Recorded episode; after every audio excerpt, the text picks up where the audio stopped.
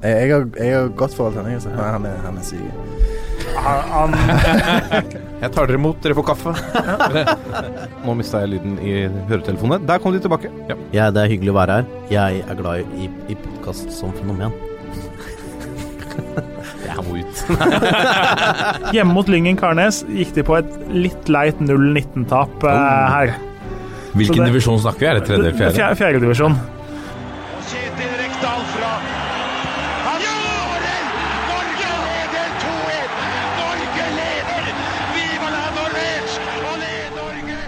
Og der er eh, toppfotball tilbake eh, igjen.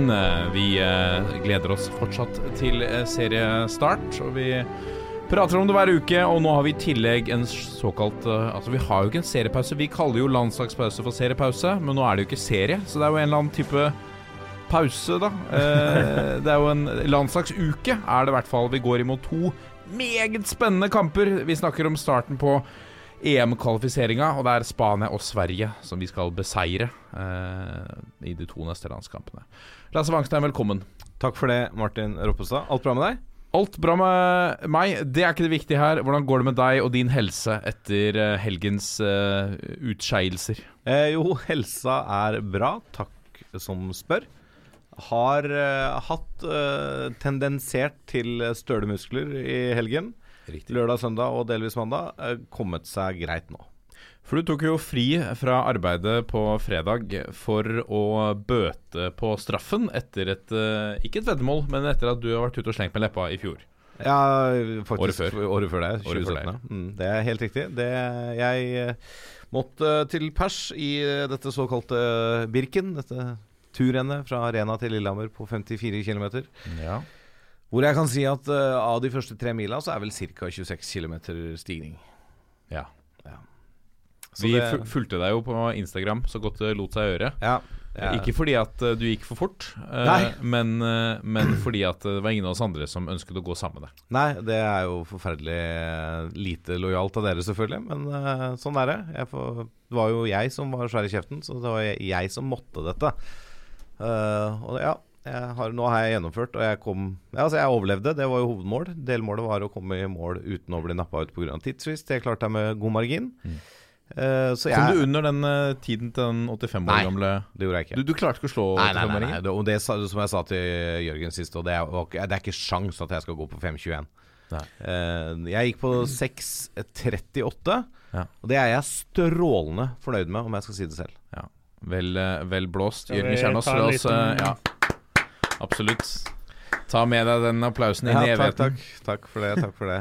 Der er du, Jørgen Kjernås. Her er jeg Er du, er du fornøyd med, med gjennomføringen til vår venn Wangstein? veldig fornøyd. Det, jeg satt jo og fulgte denne live-trackeren, ja, da. Eh, og den meldte jo da at han starta 9.16, og da skal han være på første passering eh, da, rundt 75 minutter seinere, ut fra beregna sluttid på 4.30. Så her tenkte jeg liksom jøss, Oi. har, har egentlig Lasse bare finta oss helt ut og meldt seg på en klasse som liksom er for de eh, som skal ta, ta merke og så videre, men det Nei.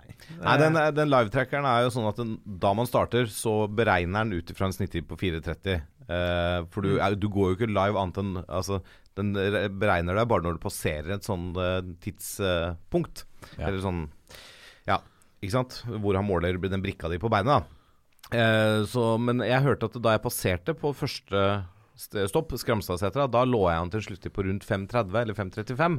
Og da hadde du slått han 85-åringen? Nei, han gikk på 5.21. Ja, riktig. Ja, men jeg kjente jo da jeg kom til Skramstadsetra etter 9 km, som er bare oppover, at uh, jeg hadde åpna litt hardt. Jeg hadde åpna i tempo som om jeg skulle gå to mil. Ja. Men jeg hadde jo fortsatt uh, fire og en halv igjen.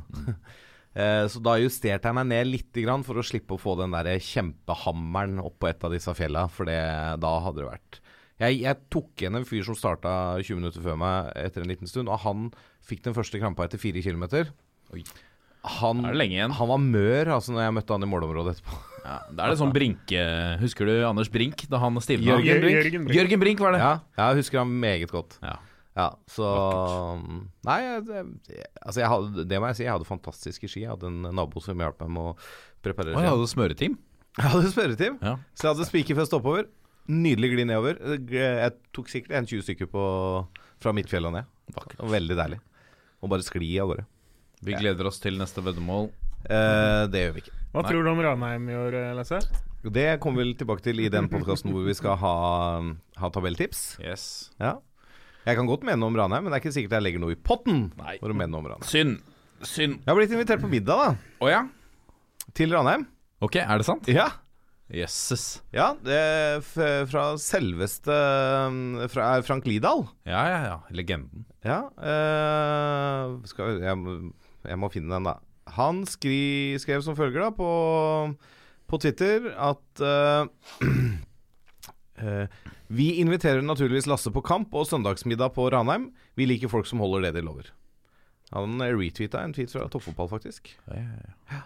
Så det er Det må du, det må du stille på. Kanskje jeg må ta meg en tur til Ranheimsfjæra i løpet av Liten tur oppå der. året. Det vært hyggelig. Ja. Det er nok av gode matcher eh, oppe på stadion der, eh, vil jeg tro. Underholdende fotball og Ja, ja, ja. hyggelige folk og fin Absolutt, hjemmearena. Absolutt. I, eh, I dagens sending så skal vi jo Altså, vi er inne i landslagsuke. Eh, Det er jo som å Det er, det er jo som dette skulle vært på 90-tallet. Det er jo en, eh, en ny landskamp på Ullevål til tirsdag, hvor, hvor det ryktes om at det ble et utsolgt Ullevål for første gang siden Tysklandskampen. Ja, jeg var inne og kjøpte noen billetter her. Det, var, det måtte godt opp i svinga før du fant noen ledige seter på Ullevål. Ja. Og det Altså, vi tar ikke skade av det. Eh, Lars Lagerbäck var jo ganske tydelig etter eh, den ene matchen. Jeg husker ikke hvor mange det var. Det var eh, en 4000-5000 på, på tribunen på en av matchene. Og, og det er klart at med et Ullevål-publikum i ryggen, så, så vi trenger det mot Sverige. Ja, det er veldig gledelig at uh, folk kjenner sin besøkelsestid nå som det er EM-kvalifisering og naboduell mot, uh, mot Sverige. Mm. Eh, Det gir jo selvfølgelig litt gratis, uh, de, de tingene der. Ja. Men uh, det, er, det er veldig veldig gledelig at uh, folk er klare for uh, litt norsk fotball nå i mars. Så må vi jo passe oss for at ikke svenskene kommer i overtall. Det er sikkert ganske mye svensker som bor her, her til lands også, som tar turen. Så, Ja, jeg, jeg tror nok ikke det blir sånn det blir ikke sånn ekstrem hjemmebane Altså Det blir jo flest nordmenn og flest som heier på Norge, selvfølgelig. Men jeg tror nok det blir flere bortesupportere enn f.eks. når Spania kommer på besøk. da Ja. Vi skal uh, gi en fyldig preview til uh, landskampene mot Spania og, og Sverige senere i sendingen. Vi skal gå gjennom i Pulsen, toppserien som har seriestart nå til helga. Vi skal ta for oss uh, noen overganger og rykter som foregår i Eliteserien. Så har vi fått en rekke lyttespørsmål. Har vi noe i Breddenytt i dag, Kjernos? Ja, vi, kan, vi skal pei, peise innom, holdt jeg på å si. Pens. Pense, Pense innom. Peise, la Peise innom hørtes veldig passiv-aggressivt ut. Det gjorde det. Fantastisk. Og så har vi jo i eh, dag eh, Vi spiller inn på en onsdag. Vi eh, slapp jo nyheten om at vi er eh, å finne live på Tegelhuset i gamle gjestgivere i Fredrikstad, i gamlebyen der. Eh, 11. april så, så reiser vi ned dit og tar imot eh, Per-Mathias Høgmo og Raymond Kvisvik. Det blir veldig gøy. Det blir veldig gøy. Uh, skal vi by på litt uh, ja, Det blir litt gode fotballhistorier, litt konkurranse og litt uh, forskjellige snacks. Kommer mer tilbake til det. Men gå inn på uh, Facebook-sida på Toppfotball, så kan du sikre deg en, en billett. Nå kommer pulsen. Og Da er vi kommet til pulsen, og vi begynner pulsen med toppserien, som er seriestart til eh, helga. Um, hvordan er eh, styrkeforholdet der nå? Er det noen som klarer å nærme seg LSK kvinner, eh, Kjernos? Det enkle svaret er jo egentlig nei. I fjor så var det jo litt spenning på forhånd fordi Vålerenga hadde styrka seg så veldig, og vi endte vel til og med oppe her i podkasten med å tippe dem som gullkandidat. Da var jo LSK Gikk vel gjennom sesongen uten poengtap fram til gullet faktisk var uh, teoretisk sikre, og så ga de fra seg et par poeng etter at de hadde kunnet feire gull. Uh, det som jo kan telle mot Lillestrøm, som jo Nå har de jo styrka stallen og blant annet uh, Altså De har henta Ina Gausdal fra Kolbotn, som da ser ut til å bli en startspiller i, uh, på stoppeplass for landslaget, annet. Mm. Elise Thorsnes har kommet hjem. Eh, er jo en spiss som alle klubbene i serien kunne tenke seg. Eh, spørsmålet er jo på at etter sesongen, nei, etter sommerferien, så skal da Ingrid Syrstad Engen hun skal til tysk fotball. Og så er det jo et VM. Guro Reiten er jo en fantastisk spiller. Har hun et godt VM, eh, så blir jo ikke interessene fra utlandet noe mindre for eh, fra utenlandske klubber for henne, da. Skulle hun også forsvinne, så er jo det en ting som gjør at de andre klubbene bør kunne nærme seg LSK. Men uh, de jeg har snakka med som følger enda bedre med enn meg, sier at LSK er jo altså, både mannskapsmessig og de virker ekstremt godt trent, og som om de har hatt en god vinter. Uh, det er vanskelig å se for seg at det skal ende med annet enn gull for dem uh, i år òg. Jeg er helt enig. Altså, det kan godt si at noen kanskje nærmer seg litt i, um, sammenlignet med i fjor, men em, når du kommer til sommeren, så kommer det forspranget til å være ganske stort. Jeg tror ikke det blir noe spenning om seriegull i toppserien. Det blir mer spennende å se hvordan det havner bak LSK. Da. For det- de, er, de er en helt egen klasse i norsk fotball akkurat nå. Mest spennende og mest uh, ambisiøse i løpet av vinteren er jo Sandviken. Som er, de har henta halve laget til byrival Arna-Bjørnar. Uh, Deriblant Maria Brochmann, som eh, vel skal skåre en del av målene for dem. Eh, det trenger de jo, siden eh, fjorårets Sandviken-toppskårer Ayara Enjoya har gått til Vålerenga. Enjoy. Enjoy. Der, der har vi den. Eh, så Sandviken har jo da en veldig ambisiøs satsing. Viser klart at de skal ta opp kampen med LSK og ta den rollen som utfordrer som egentlig ingen hadde i fjor. Eh, slo bl.a. av Avaldsnes eh, 2-0 i siste treningskamp nå før seriestart.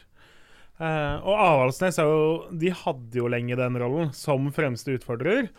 Og så mista Det er jo alltid ekstreme utskiftninger, og når du ser på inn- og utlista over overganger i Avaldsnes, så, eh, så er det ikke så altfor mange med norsk pass på noen av sidene. Det er jo utlendinger i Mollen som har dratt. Mange av dem underpresterte i fjor, og så har de da henta inn eh, omtrent et helt nytt lag igjen. Eh, men har slitt veldig med å skåre mål i oppkjøringa. De eh, de vant én kamp 4-1, men bortsett fra det så har de knapt skåra mål i, gjennom hele vinteren. Eh, midtstopper Stefanovic, som starta på topp nå i generalprøven fordi skader og diverse. Det er jo ikke noe godt tegn. Så Avaldsnes så jo ut som de skulle på en måte bli det nye store og eh, hadde en ambisiøs eh, satsing veldig lenge. Nå er de litt sånn igjen at eh, Det blir vel ikke like langt ned som i fjor, men bak LSK også kanskje medalje hvis alle de brikkene klaffer, eller i hvert fall mange av dem, da. Ja, det blir en eh, ny spennende sesong. Men eh, det er interessant med Avaldsnes, som på en måte ikke har tro på kontinuitet. Der eh, bytter ut hele laget sitt. Ja, det, det er jo voldsomt. Og det eh, Det er jo store forskjellen på dem og en annen brennheit medaljekandidat, da, som jo er Klepp. Eh, som jo imponerte svært i fjor, eh, og var nest best da. Eh, de har nesten beholdt de fleste. Eh, Ine Kristoffersen har gått eh, til Stabæk. Eh, så har de mista to av utlendingene sine. Eh, Henta inn da en, et par fra amerikansk fotball og selv også, så de er nesten samme stallen, da. Eh, der var jo treneren nå ute og syntes det var litt snålt at ingen av spillerne deres er aktuelle for landslag, da. Eh, men de har på en måte litt sånn Laget er bedre enn enkeltspilleren, selv om de har mange som fint kunne vært med i hvert fall i skorpa rett under landslaget. da, og i hvert fall vært eh, aktuelle for en tropp. Men eh, godt kollektiv, og viser jo da at det å faktisk ha kontinuitet, det kan jo være en styrke eh, i fotball. Det viser seg jo ofte. Eh, siste medaljekandidat er jo åpenbart da Vålerenga, som jo hadde en voldsom satsing, og som da har eh, eh, fått mye overskrifter i diverse store aviser fordi én spiss uh, forsvant ut uh, til slutt i Kolbotn. Eh, Isabel Herlovsen endte jo opp der etter mye om og men. Og så har da Njay kommet inn, blant annet. Eh, det er ikke så, så store utskiftninger som i fjor. Da hadde jo de også et helt nytt lag på plass. Men eh, må jo si at de underpresterte litt i forhold til hva man venta av dem da. Eh, så kan man jo si at kanskje forventningene var litt vel høye også, men eh, Ja, det, det er helt klart at eh, jeg tror nok pga. den satsingen, da, både økonomisk og med tanke på hvor mange spillere som ble henta inn, så ble forventningene på Valle og også rundt i Norge skrudd veldig i været rundt Vålerenga. Jeg var vel litt inne på det, at det tar litt tid å spille inn et lag og sånn, men så har du noen spillere også der som enten var langtidsskadd eller som underpresterte, inkludert nevnte Herlovsen. Som ikke var, var i nærheten av det nivået som man kunne forvente av en sånn type spiller. Eh, det virka som det, Altså, det, det, ekteskapet der var liksom litt sånn dømt til å mislykkes nesten fra dag én. Og nå er det jo alltid sånn at saker har eh, Altså en, en sak har gjerne flere sider. Eh, og så har vi som regel egentlig bare hørt Herlowsens eh, side. Eh, men så har det kommet noen stikk andre veien nå som tyder på at det er vel ikke bare Vålerenga sin feil at det mm, forholdet der gikk i dass, da, for å si det på den måten. Så Nei, og det er vel en, til, til en viss grad en personalsak også, så de er litt bundet på, på hva de kan. Ja, ikke sant, Vålerenga må forholde seg litt profesjonell til det, da. Eh, så, men det er klart eh, Jeg tror nok det er det beste for alle parter at uh, hun uh, Hun nå har funnet seg en ny klubb, da. Ja. For det hadde jo selvfølgelig vært forferdelig trist om hun skulle valgt å gå til det skrittet og legge opp uh, pga. denne personalkonflikten, selvfølgelig. Ja. Ja, nei, så har man jo, hvis vi skal ta litt om alle, altså kort om alle lagene Man har jo tre lag bak de fem vi har nevnt nå. Da har Kolbotn, Røa og Arna-Bjørnar, som da er de tre De bør være for gode til å unngå nedrykk, og så skal veldig mye klaffe for at de er med helt oppe i medaljekampen. medaljekampen. Eh, Kolbotn har jo da inn med Herlovsen, men så har jo da Ina Gausdal forsvunnet til LSK, eh, blant annet. Så Eh, Det er lag, nei, tre lag som kommer til å være et sted midt i. Eh, Arna-Bjørnar var jo helt Om ikke nede med brukket rygg, så var det jo tungt for dem å se da at fem stykker forsvant til Sandviken, og gode Vilde Bø Risa dro til svensk eh, fotball, blant annet. Så har jo de da henta bl.a. Andrea Willmann fra Stabæk, som har vært god, og fått inn en del utlendinger òg, som eh, som man ikke vet helt nivået på, men de har da landa godt nok på beina da, til at de eh, kommer til å være med på et anstendig nivå, de også. Eh, så har man jo da Nå er det jo spesielt sånn som vi snakka om her for Hva var det? Forrige uke? To uker siden? At i år så skal jo to lag rett ned og ett lag på kvalik. Eh, I motsetning til tidligere sesonger hvor det er én ned og én på kvalik. Eh, så i fjor for eksempel, så kunne det slippe unna Et par lag slapp unna med ganske dårlige sesonger fordi det var to lag som var veldig mye dårligere enn dem akkurat da. Uh, I år så er det jo da vanskeligere å komme unna. Det gjelder jo da bl.a. Uh, tradisjonsrike Trondheimsøren, som jo da ikke var gode selv i fjor, men fordi flere eller et par lag var enda dårligere enn dem, så ble det ikke altfor spennende. Tøffere nå når da er én Eriksplass mer. Eh, Stabæk veldig unge, men eh, eh, har jo da også henta inn en del eh, spillere fra eh, utenlandske ligaer i løpet av vinteren, så de bør kanskje være det av de fire der som kommer seg eh, unna nedrykk. Og så har du da Lyn, som var nyopprykka i fjor, og Fart, som er nyopprykka i år, som da eh, Som det er vanskelig å se skal komme seg unna nedrykksstriden. Og det er jo en kjensgjerning at det skiller jo ofte mer fra bunnlaga opp til eh, de laga midt på tabellen i toppserien enn det det har gjort i f.eks. Eliteserien. Mm. Så for de lagene der så er det ikke godt nytt på kort sikt at det skal kuttes til ti lag. Det er det ikke. Nei.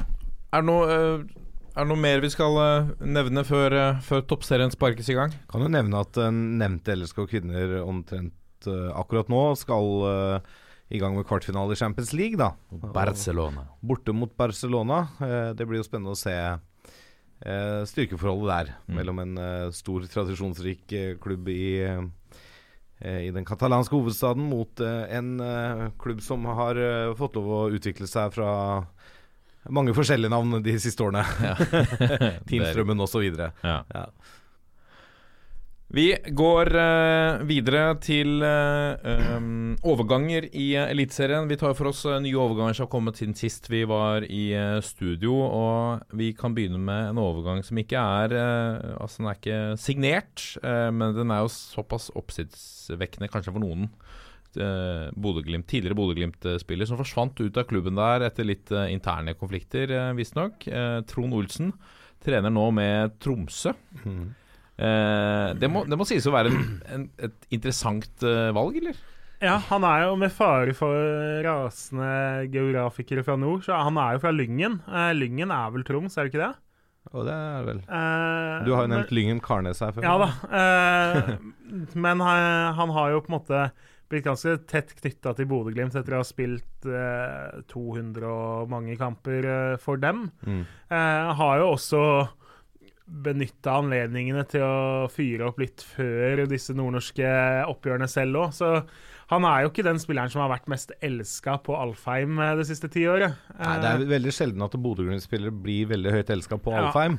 Eh, du hørte en uh, livepodkast med fotballklubben eh, hvor han Egon Holstad var gjest, og han mente at eh, han, Runar Berg var vel et år på lån i, i Tromsø eh, i tidlig karrieren, og han mente at det var den dårligste sesongen han hadde i hele sin karriere. Og han var bare sendt til Tromsø for å ødelegge mest mulig Hæ? for TIL. Det er, det er en nydelig konspirasjonsteori. Ja, den er fin.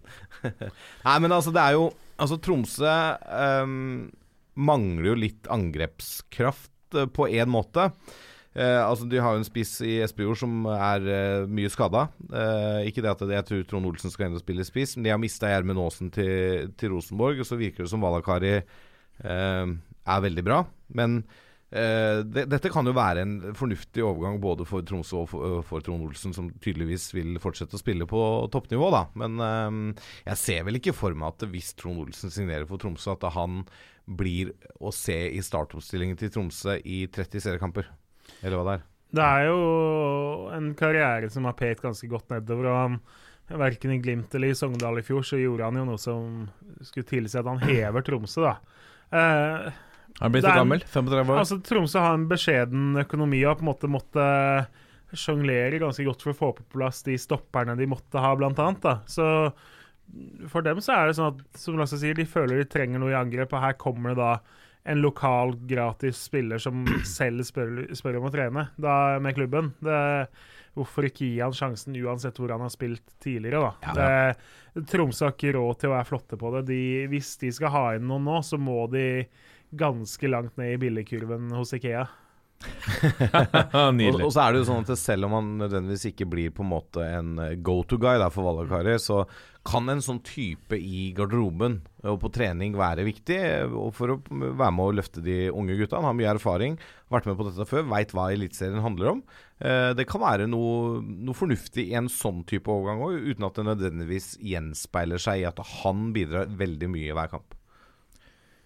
Vi går videre til, til Haugesund. De eh, ser til Danmark for uh, nysigneringer. Nå har de uh, signert uh, eh, 24 år gamle Mikkel Destler fra Odense. Hva slags type Ja, er dette? og Jørgen? Benjamin Tidemann Hansen Ja, det riktig, i tillegg, som da kom fra Nord-Sjælland. Så Ja. de er to dansker på to dager. Det er deilig å være dansk i Haugesund, eller et eller annet sånt. Det, kan ikke skryte av å ha sett noen av dem spille veldig mye. De har jo da ikke vært faste på to middels gode lag. Eh, og så er jo da altså Spesielt Desler har jo en fin CV og har vært interessant for større klubber og var med i OL-troppen i 2016 osv. Eh, og så har han vært flytta veldig mye rundt i banen. Eh, men skal da spille høyreback og erstatte Kristoffer Haraldseid. Eh, Tidemann Hansen er usikker på om går inn på laget. Pallesen, Knutsen og Karamboko er gode eh, der, men de har tynt bak det. Så de måtte jo ha på plass både stopper og høyreback. Og så leter jo Haugesund da i hvert fall etter keeper ennå, og så skal de ha inn en offensiv eh, spiller, trolig, i tillegg. Men be begge disse danskene omtales vel som litt anvendelige Ja. forsvarsspillere, som kan spille både stopper og bekk Mm. og på begge bekker. Og det er jo også litt sånn typisk Haugesund, føler jeg. At de, de finner de spillerne, eller eh, ønsker seg de spillerne som kan bekle flere roller, da. Så, Mm. det, altså, det er jo flere, flere eksempler på det de siste årene i Haugesund, på spillere der som har eh, spilt både sentral midtbane og bekk, og, eller stopper og bekk. Så Ja. ja. og så har jo han her, O. Tidemann, holdt på å si. Han, eh, han har jo hatt assistenttrener eh, Sebastian Brydegård som trener tidligere, da. Så det er jo en link fra Mm. han til FKH også. Ja. Men det Jeg tror ikke Haugesund ble mindre interessert i forsterkninger etter den kampen de hadde mot Odd nå siste uke. Da, eh, da var jeg litt skremt over hvordan de opptrådde. Det, hadde jeg vært Haugesund-supporter, så hadde jeg vært ordentlig skremt, for da var de elendige, rett og slett. Mm. Eh, fikk nesten ikke til noen ting, og Elbara Shani så ut som eh, 25 millioners eh, salg i sommer. Så eh, de var skuffende da, og har fortsatt et stykke igjen til de er klare til seriestart, hvis det er det nivået de ligger på. altså. Mm. Fra Haugesund til eh, Finland. eh, vår venn Tor Todesen som har vært i dette studioet. En fabelaktig episode, etter min, etter min mening. Mye av han, selvfølgelig, og hans eh, kunnskap og fotballhistorier.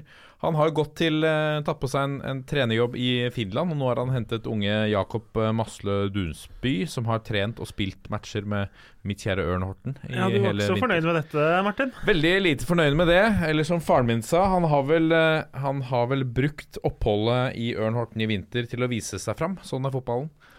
Eh, litt bitter, eh, Litt både bitter der, ja. far og sønn der. Nei, han har eh, Jeg har sett høydepunkter. En, en, en meget god avslutter, rask. Eh, et, et tap. Jeg hadde sett for meg han Med han i angrepet i Ørn Horten, så hadde det sett lovende ut. Um, ja, men de har jo nok av gode menn i Horten, selvfølgelig. Ja, han hadde jo en litt spesiell historie, Dunsby, fordi han var vel egentlig ikke påtenkt å få proffkontrakt i Sandefjord. Og så skjønte jo Sandefjord her at her er det en som er såpass ettertrakta at kanskje vi har gjort en feil vurdering. Og så endte jo da opp med at han fikk toårskontrakt i Sandefjord, og skal da bruke første delen av den kontrakta i Finland på lån, da. Eh, sånn at Sandefjord på en måte har sikra seg litt eh, her, i tilfelle han skulle slå til voldsomt der, da, så ville det sett dumt ut for dem at de har latt han gå uten å tilby kontrakt. En annen mann som går til Finland, er Harmet Singh, som eh, forlater Sarpsborg 08 og har eh, signert for HJK Helsinki. Hva, hva tenker du om det? Han, han lyktes jo ikke så godt. Han eh, kom raskt tilbake ved forrige utenlandsopphold, Singh. Ja, han var jo på kontrakt som gikk ut i sommeren. Eh, var vel i beste fall nå et fjerdevalg sentralt på midtbanen for eh, Sarpsborg. Eh, så det lå jo litt i korta at når han ikke har slått i helt der, at han fikk lov til å fortsette karrieren et annet sted. Og så litt overraskende at ikke noen klubber ned, eh, som da ser ut til å kunne trenge spillere i Norge, var med på, da. Han kunne jo vært nyttig for klubber i Norge også fortsatt, men det er klart HJK Helsinki er jo eh, en middels stor skandinavisk eh, klubb og den desidert største i Finland. Så eh, det er jo ikke noe langt steg ned sånn sett, selv om ligaen er svakere. Nei. Hadde du uh, gjerne sett at han dro tilbake til Vålerenga, Lasse? Vær helt ærlig nå. Ja, jeg er faktisk litt usikker. Mm. jeg føler dessverre at uh, Altså, Harmet er en veldig fin fyr, men jeg føler dessverre at karrieren hans har eh, gått litt feil vei de siste årene. Eh, det har blitt tatt noen valg der. eh, Ikke sant? Altså, det er, som du sier, han var i utlandet, kom fort tilbake. Eh, det er et eller annet som skurrer. Eh, og så er det også litt med på en måte Altså Nå er det, nå er det nye kluter på Valla, altså for all del, men det, det har vært noen øhm, situasjoner der oppe med Harmet øh, tidligere, etter han forlot Vålerenga, hvor han fikk lov til å komme tilbake og trene, annet, som øh, ikke ble så godt tatt imot av det daværende regimet. Så det er jo liksom litt sånn Jeg er litt usikker på hvor Og jeg er også usikker på om han hadde heva Vålerenga uh, i dag, Uh, sånn som han har fremstått de siste årene, da. Ja. Jeg tror ikke han, tror, tror ikke han hadde styrka Vålerenga, og da er ikke, det er, det er, Jeg må ikke ha tidligere Vålerenga-gutter tilbake for enhver pris, altså. Nei. Emil eh, Jonassen, tidligere Bodø-Glimt-spilleren, går nå til eh, topplaget Bate Borisov i Hviterussland. Uh, det Ja, det er jo en av de artigste overgangene, eller snåleste eller mest overraskende Pussig greie. Ja. Uh, Bate har jo gjort det bra og hevda seg godt og- i Europa det siste tiåret. Så at de da henter en venstrebekk som var inn og ut på laget i Bodø-Glimt Uten å vite hvem agenten til Emil Jonassen er, så kan vi jo si at han må ha gjort en ganske god jobb med å selge inn Jonassen eh, der, da. For det er En overraskende overgang. Og kommer ikke på veldig mange nordmenn. eh, Nå var vel han Han som Nå står det helt stille. Som var, var i Vålinga og Ullkisa, spiss. Og som da var i Russland. Eh, Og Schumann ene? ja, var, Ja. var ikke han i Ja. Hviterussland, eller? Jo, det kan være. Ja. Ja, eh, Minsk, mener jeg. Ad, ja, og så hadde vel eh, Ja. Ja, men- ja, det mener jeg. Ja da. Uh, så det har jo vært et par, men det er ikke Det er ikke dit vi hyppigst uh, eksporterer spillere. Det er det jo ikke. Så Jack Caradas ja, er da agenten hans. imponerende å selge inn han der. Jeg hadde jo på en måte regna med kanskje en klubb i Obos-ligaen, liksom, eller noe rundt der. Så at han går til en Champions League-klubb, det Var det ikke litt problemer med noen sånne medisinske tester på Emil Jonassen tidligere også? Jo, han var Hvor var det han var og strøk nå? Eh, For han var jo i Odd først, og så gikk han til Nei, jeg husker ikke. Men ja, han, altså, han, han strøyk i Odd, eh, ja, men det, han hadde vel eh, en annen klubb i Øst-Europa òg, Ja, som han eh, Ja.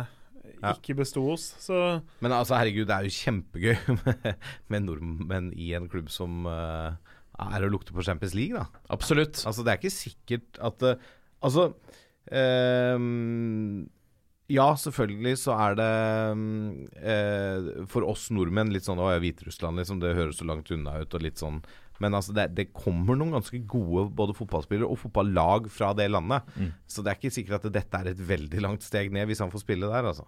Nei, og så er det jo uh, Altså, det, det føler jeg vi glemmer noen ganger. Dette er jo mennesker som velger seg Hei, vil du, vil du ta et år i utlandet? Vil du ta et par år i utlandet? Bo der, jobbe med det du elsker. Altså, Grip muligheten da, hvis, hvis du har sjansen til det. Men så Men, det men, ja. men det er litt så artig til denne som Tokmak Ingen eh, gikk til uh, Ferencvaros i, i Ungarn. Altså vi, vi ser litt flere sånne litt sånn utradisjonelle veivalg. Eh, Det er ikke Altså Tidligere så gikk de fleste Følte jeg nesten at de fleste fotballspillere som ble utenlandsproffe, gikk enten til Sverige, Danmark eller Nederland. ja, ja. Nå er det litt uh, forskjellige land i den floraen. Ja, ja. Og, men så er det også sånn at en del av disse lagene der borte De har enorme ressurser og enorme tropper. Jeg husker jo det selv fra da jeg jobba i Vålerenga. Vi var på treningsleir i Tyrkia eller Spania, og disse russiske og hviterussiske lagene kom. Da kom de De hadde gjerne med seg 40-50 spillere på laget. ikke sant? Ja. Og skulle du spille treningskamp mot dem, så var det helt umulig å vite om du fikk førsteelveren, andreelveren eller tredjeelveren. Eller om du fikk liksom fjerdeelveren ispedd noen fra femteelveren. Altså det var helt Det er helt sjuke mengder spillere, ikke sant. Og det kommer norske laget med kanskje maks 20 og et par juniorer, ikke sant. Så mm, det er jo ikke sikkert at veien til startplass der er veldig kort, men eh, vi får håpe han lykkes. Så har vi Mohammed Keita som har vært på etterlønn eh, etter han ble løst fra kontrakten i eh, MLS, var det vel. Nå har han trent for seg selv. De som har han på Instagram, har sett han løfte vekter og, og, dra, og dra vekter etter seg på treningssenteret. Men det har vært lite fotball på, på karen. Nå trener han med godset, og han innrømmet vel selv også at, at fotballformen er litt langt unna. Men eh, for Strømsgodset, som ikke har eh, bankkontoen full, så kan jo kanskje dette være en, en bra mann inn i stallen? Eh, Det er jo litt sånn samme som vi sa om Trond Olsen. Da. At jeg skjønner jo hvorfor det skjer. Selv om det vel er godt delte meninger om det blant godsefansen. Eh, han er klubbløs, han hører til i byen. Han er en spillertype som hvis det klaffer, så vil han styrke laget. Jeg skjønner jo at de har lyst til å teste han ut på trening. Da. Eh, han var jo nære å signere sist sommer, så egentlig mest overraska over at det ikke har skjedd tidligere i vinter at han har trent med dem. jeg, Da. Det, Ja. Men om, om det blir en overgang, kanskje. Nå, eh, det vil ikke være sjokkerende det, hvis han fortsatt har lyst til å spille fotball. Og nå har jo han sannsynligvis fått erfare at det er ikke veldig mange tilbud på bordet. Da. Så for han så er nok det her en sjanse han takker ja til hvis han får den muligheten. Men de bør vel strengt tatt prioritere å få inn en midtstopper, hvis de, hvis de uh, har lite penger på bok her. Der er det litt uh, Det bør de definitivt. Uh, de er jo bedre befolka, i hvert fall i kvantitet, framover på banen. Eh, så det er jo også et spørsmål som Men samtidig så er Keita en sånn type da som på en måte Han bringer Altså ikke bare sportslig, men han, han er jo en profil. ikke sant? Han tør å melde litt. Han er litt svær i kjeften. Han, uh, han byr på seg sjøl. og, og, og så er han jo lokal der òg, og har hatt suksess der før. Det er helt klart at det, det er en type som kan være bra for godset i så henseende. I hvert fall hvis det får stabla han såpass på beina at han kan prestere litt òg, selv om det er en stund siden han har gjort det nå. Men eh, eh, det er, jeg er helt enig i at de må hvis de må sitte med en pengesekk da, og skal ha én ny spiller, så hadde jeg ikke prioritert venstre- eller høyrekanten Keita. Da hadde jeg prioritert lenger bak i banen. Nei, i hvert fall ikke når de ser ut til å gå ut i en diamant hvor de ikke skal ha noen kanter. De skal bare ha indreløpere. Så er det jo litt sånn eh, Virker litt sånn mot sin hensikt. Eh, jeg snakka faktisk med, med BP Ingebretsen i, eh, i dag. Hørte litt hvordan det gikk med nysigneringen Jakob Sylla. Han sa at det er blant de beste spillerne han har sett i aksjon. Mm. Eh, de er Strømsgodset er et helt annet lag med han på trening. Han hever nivået til alle rundt umiddelbart. Kan Ja. minne litt for meg med en liten forkjærlighet for Vålerenga også. Det man så i Vålerenga da Mohammed Abu kom inn. Plutselig så begynte Aminori å levere målgivende pasninger. Eh, folk spilte med en selvtillit. Daniel Fredheim Holm så ut som den uh, servitøren som, som var tiltenkt han skulle gjøre. En spiller som kan komme inn der og tilføre i Strømsgodset de andre rundt en eh, viss form for selvtillit og en ro og en rutine. Uh, kan, være, kan være interessant. Og det, jo, det han også sa, var at det, det er akkurat det de har nå. De har en ro i laget. De jobber suksessivt og målretta fram mot sesongen. Og da er spørsmålet om en type som Mohammed Keita Er han med på å skape litt uro? Unødvendig uro i en, i en det som er nå er en harmonisk klubb, da. Ja, altså de har jo har jo for så vidt flere spillere i den klubben her som kan skape litt uro hvis de først setter i gang.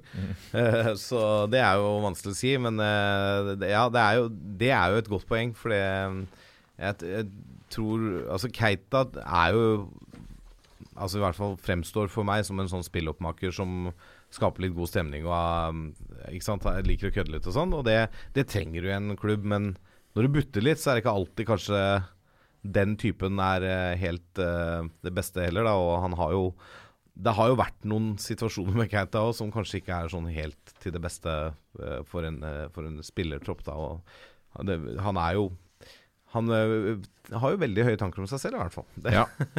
uten at det nødvendigvis er feil. Nei, Vi ønsker han alt godt, i hvert fall. eh, Mohammed Keita. Får håpe han finner seg en eh, klubb. Han er jo han er meget bra på sitt beste, så vi håper han kommer tilbake dit. Og så er han jo glad i å melde. Altså, Uansett hva man syns. Det er jo gøy med spillere som uh, våger å mene noe, da. Eh, bedre med de som går ut høyt og tryner skikkelig, enn de som er forsiktige og ikke vil mene noe. Absolutt. Ref veddemålet han hadde vel med, med Pål André Helland. Ja, det Om hvilken angrepsrekke som skulle skåre flest mål. Ja. Tapte den som sang, men det skapte god underholdning. Vi går videre til Stabæk, som faktisk har signert en, en stopper. Madis Wiman. En, en ester. Sier man ester? ja, man gjør vel det. Est jo, man sier Ester Nei, En, Ester en er jo sånn fra Estland. Ja, jeg datt av kjemi da det begynte å bli ester og base og sånne ting. Da, men jeg tror ester fortsatt er gangbart eh, her. Skjønner? Eh, voldsom duellkraft på han er Wiman. Han ser ut som en dørvakt. Eh, kan hende at eh, noen av disse utestedene på Bekkestua har lyst til å leie han for eh, noen timer lørdag kveld. Eh, 1,90 og ganske mange centimeter til høy og ganske svær, og har da stanga inn 14 dødballer på to sesonger i Flora Tallinn. 14 dødballer som Ja, eller han stopper. har skåra 14 mål. Jeg skal ikke si at eh, alle 14 er på dødball, men at flesteparten er det, vil jeg tippe. Fordi 14 mål som stopper på to sesonger, det er meget uansett sterkt, om dette da er en serie hvor da godeste Tor eh, Henning Hamre Han var målkonge. skårte- skårte fem milliarder mål, så eh, Altså, 14 mål som stopper er bra uansett hvilket nivå du spiller på. og Det reflekterer litt det inntrykket jeg har av spillertypen, da. Eh, Tenk om det sitter podkaster i andre land og ler av, av den norske serien på samme måte som vi ler av den Ja, neste det er det jo. Altså, det er jo ikke Ja, den det beste serien, uh, men at, at uh, norsk serie er to hakk over uh, laget i Estland på nedre halvdel, det er det jo ingen tvil om. Nei. Men eh, kvaliteten hans er jo uansett de samme. Han er duellsterk her òg. så Stabæk var jo ekstremt vaklevorne bakover i fjor og slapp inn altfor mye eh, mål. De var ikke så katastrofe i å slippe inn slippe til sjanser, men de slapp inn veldig mange mål per sjanse imot.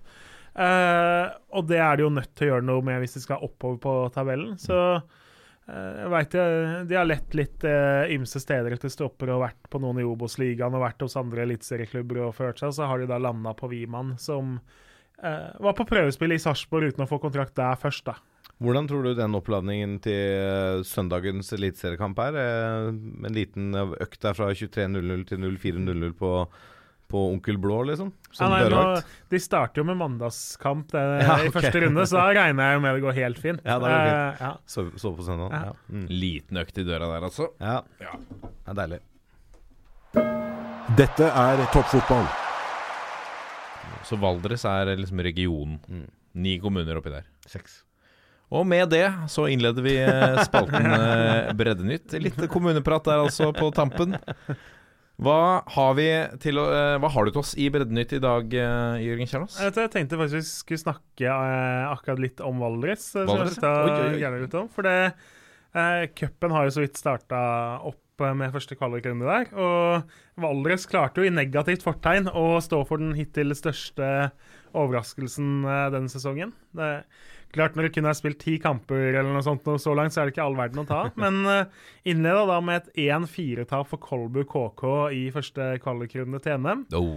Eh, og det er jo Jeg syns jo Valdres og det andre laget vi skal snakke om, Nybergsund Jeg sitter jo hver eneste vinter og lar meg fascinere, fordi da er det italienere ut, og det er, liksom, og det er polakker inn, og så kommer det en fyr fra Latin-Amerika.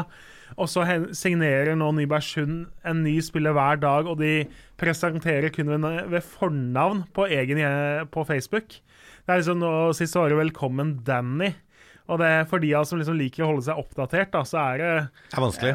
Altså, akkurat Danny pluss bildet av Danny gir meg liksom ikke så mye, da. Det, jeg regner med han har spilt på nivå to, tre eller fire i en eller annen uh, bakgårdsliga, holdt på å si. Det var Men ikke Danny Murphy. Det var ikke Danny Murphy. Eller men det er den liksom også- portugisiske landslagsspilleren. Oh ja, oh, det var så ja, nei, så det, det er Jeg lar meg jo litt fascinere over Altså, å orke å skulle signe spillere til Nybergsund og Valdres hver eneste vinter, det er Ja. Det er jo litt sånn Man kan jo diskutere altså, Av og til tenker jeg er det vits i liksom å drive Nybergsund og Valdres videre når det er ti utlendinger, og så er det tre junior som får noe innhopp, liksom. Eh, sånn er det nå engang. Skal Nybergsund og Valdres være med, så må det inn spillere utenfra. Og du får ikke lokka folk fra byene i eh, Norge. Før så henta jo Valdres spillere fra Romerike og fra rundt Mjøsa, og betalte dem for å pendle et par timer eh, hver vei hver dag. Mm. nå henter de heller spillere fra utlandet og eh, får dem bosatt, og de får seg vel en jobb ved siden av. Men fy søren for en jobb, altså. For nå har de De har vel mista omtrent alle de hadde av utlendinger. og Det var seks-sju stykker sist sesong. Alle er borte. Og så har de da henta tre-fire nå, så skal de hente et par til. Eh, og så veit du aldri hva du får av personlighet eller spillertyper, og liksom hvordan de klikker med hverandre. og det Ja, og så er det det, de kommer, de kommer til forholdsvis lite sted, da. Mm. Altså Selv om på en måte Valdres har hovedsetet sitt eh, Altså fotballklubben hovedsetet sitt på Fagernes, som er det største tettstedet i regionen, så er det er ikke veldig mange som bor der. Det er ikke veldig mye å ta Altså det er, det er litt begrensa utvalg av underholdning på siden her. da Det er en kino og noen restauranter og noen kafeer og puber og sånn, men det er liksom ikke det helt, helt store, da. Det Du, men eh, nei, jeg, jeg vet ikke det er, mm, hva som lokker de dit. Det er kanskje et eventyr, da. Altså Men var det ikke Valdres eh, Heter det Valdres FK nå? mm. Var ikke det en FK Valdres. sammenslåing og en storsatsing for noen eh, Jo, et, ti år siden? Det var jo det. Det, var en det er en sammenslåingsklubb mellom flere klubber i regionen, med utspring da i gamle Fagernes. Eh, som da for så vidt også, til din store glede, Martin, spilte i brune og hvite drakter. Fantastisk. Eh, de nå spiller de noen sånne der lilla varianter. Ja. Det som, eh, det som må være litt vondt for Nybergsund, er jo at veldig mange derfra forsvinner jo da til Trysil FK i fjerdedivisjon nå. Nå har de mista eh, mange spillere til eh, naboen, eh, som da er fra eh, noen kilometer lenger eh, oppover i dalstrøka. Eh, og så forsvant jo da Jarl André Storbekk etter å ha fått sparken. Han også har gått til Trysil FK. Og jeg sitter jo litt og tenker altså Trysil FK henter da også masse utlendinger. Mange av dem har vært i Nybergsund før. Så henter de spillere fra Nybergsund, og så er det da to lag i Trysil som liksom kjemper om de samme spillerne. Så har du da ett lag i tredje og ett Men fjerde. Men samme fjerde. utenlandske spilleren også? Ja, liksom, altså Man kunne jo vurdert å snakke sammen litt mer, kanskje, da, tenker Ja. jeg. Selv om Ja, selv om jeg ikke har så mye det beslutningsmyndighet der. Lett å mene på, på, fra utsida. Hvorfor kan ikke Årevoll slå seg sammen med Vålinga på, på en måte? Akkurat Årevoll-Vålinga hadde vært en ganske god deal. da Og det er du ikke fremmed for. Nei, Hvis du hadde kalt laget Årevoll-Vålerenga og liksom beholdt eliteserieplassen og Det er det verste jeg ser for øvrig. Eh, to lag som slår seg sammen, og så klarer de ikke å bli enige, og så heter det skråstrek. Ja. Det er Liv eh, Fossekallen. Ja, Liv Fossekallen. Ja, Gjøvik-Lyn. Men det, er- det er kanskje ja, ja. Eller lenger Sandnes Ulf, som da vel bytta fra Ulf skråstrek Sandnes Ja, til eh, Sandnes Ulf. Ja, ja. Eh, ja, men nå har du jo Altså, du kommer jo fra et fylke hvor da man hadde Tønsberg FK, og så velger man å kalle sammenslåingsklubben for FK Tønsberg. Så Yes. det Det er klart det, Det er, vinner jo ikke VM i fantasi, det heller. Nei. Og når eh, kvinnelagene i, eh, i Eik og Ørn har slått seg sammen til å hete Eik Ørn, så er det jo uh, Som en gammel Hortensmann, så, så klinger ikke det like godt. Det skal være rivaleri. Det skal Ja. ikke være sammenslåing mellom de, de to klubbene. Nei. Men vi eh, går videre. Var det noe mer du hadde i Bredden ditt? Nei, men nå har vi jo Det er jo NM-ballen som ruller, så det, det kommer jo litt etter hvert. Deilig. Dette er toppfotball. Og så har vi kommet til eh, lyttespørsmål. Vi har fått noen lyttespørsmål på eh, Twitter at toppfotball og på e-post toppfotball at 451.no. Det er flere som er eh, nysgjerrige på de nye Champions League-planene og hvilke konsekvenser det vil ha for norsk fotball. Og det, dette går vel på, Jørgen, at uh, den såkalte superligaen skal da spille kampen i helgen. Hva skjer da med norsk ball?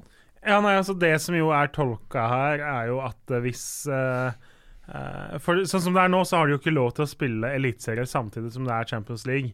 Så det betyr at på Champions League-tirsdager så må jo da eh, en eliteserieklubb eh, legge sine kamper tidligere enn kampene da, osv. Eh, og så er det Men hvis det blir en sånn superliga, sånn som det nå skrives om at eh, det snakkes om, og som det jo unektelig går mot en eller annen gang, fordi det vil gagne storklubben, og de tenker på seg selv mer enn de tenker på, på en måte, å bevare tradisjonsrike ligaer. Uh, så er det da snakk om hvis de skal spille i helgene fordi hverdagen er fylt opp med disse uh, Europaliga og Europaliga 2 som kommer nå. Uh, så hvis Champions League da skal liksom ta opp kampflatene hele lørdag, hele søndag, blir det sånn som i dag, da at du ikke får spille eliteserie samtidig? Med andre ord får vi ikke lov til å spille eliteserie i helgene mer. Eh, og det er jo på en måte den 1 pluss 1 er lik 2-slutninga du trekker av det, men jeg kan ikke tenke Altså, selv om Uefa da, hvis de er med på det her, kommer til å gønne på og all in på den superligaen med de 20 største klubbene i Europa og all oppmerksomhet om det, så kommer de ikke til å nekte Norge og Kypros og Liechtenstein å spille, samt, nei, spille klubbkamper samtidig. Den, det tror jeg ikke noe på. Eh, det er veldig sånn i ytterste konsekvens at det skulle skje, men eh, Ja, det vil jo være med på å ødelegge fotballen. ja, altså Hvis de da kommer og sier at hei, Norge, siden dere er med i Uefa, så må dere spille alle eliteseriekampene mandag til fredag. Får aldri lov til å spille i helgen. Da må det være før klokka ti på søndagene, liksom. Det, nei, jeg har null tro på at det kommer til å skje. Det, det er liksom ikke eh, roboter som sitter der og bestemmer. De skjønner at de ikke kan drepe fotballen i de 40 minste landa fordi eh, de 20 største klubbene i verden skal leke sammen. Eh, det blir jo sånn, altså selv om en gjeng på ungdomsskolen le skal leke sammen i helgene, så må på en måte fjerdeklassingene få lov til å leke litt for seg sjæl, de også, da, på en måte. Ja, Nydelig eksempel. Nå tror jeg alle forsto hva du mente. Ja. Eh, nei, men det er jo eh, Men ja, og så er det jo da den, Nå er det jo veldig lenge siden vi har hatt et lag inne i Champions League. da. Skulle det her skje at det blir opp- og nedrykk, og kun de største ligaene blir, uh, har mulighet til å komme inn i CL, så forsvinner jo den drømmen for, fra Trondheim og Molde og uh, Bergen og kanskje fra Oslo om å få spille Champions League en eller annen gang. Uh, men altså, det er en drøm som for alle andre enn kanskje Rosenborg er ganske langt unna nå. og selv for dem da, så er det litt sånn at en garantert plass i Europaligaen, som da vil bli hakket mer prestisjefylt enn det den er nå, eh, trenger ikke være så veldig offer, da, selv om du mister den der eh, store sjansen til å komme inn i Champions League-gruppespillet. Men nå er det jo ganske lenge siden det skjedde sist, uansett, da. Ja. Nei, plastfotball uh, Ja, jeg kjenner jo at uh, jeg sliter jo med å følge med på Champions League eh, sånn fra før, ja. Det, meg, altså, det er vanskelig ikke bli, å la seg beundre av Messi og Ronaldo og alt de driver med. Men om det er Barcelona eller PSG eller Manchester United som går videre Jeg, jeg har mista helt evnen til å liksom føle noe rundt det, og det er jeg egentlig litt glad for òg. Jeg, jeg er veldig usikker på hva som hadde skjedd med meg hvis Wimbledon nå ble kjøpt opp av en mangemilliardær fra et eller annet land. Ikke utenkelig. Jo, det er heldigvis utenkelig. Eh, takk Gud for Nei, for supportereide klubber. Eh, men hvis det skulle skje, og de rykker opp, og så blir det liksom topp fire, og det blir Champions League og sånn jeg tror jeg koser meg mye mer nå når de kjemper mot nedrykk eh, fra nivå tre, eh, med en gjeng middels ubrukelige fotballspillere. Eh, framfor at eh, alt blir kjøpt, og plutselig så kjøper du de beste fra klubber på nivå over, og så rykker du opp, og så kvitter du deg med alle de og kjøper Premier League-spillere, og så rykker du opp, og så kjøper du gode spillere fra Frankrike og Italia og sånn. Eh, jeg håper og tror at jeg hadde blitt mindre engasjert i klubbens sportslige utvikling da. Marius Sletten lurer på om dette nå er eh, Er det da duket for et gjensyn med eh, ikke kanskje gode, men gamle Royal League?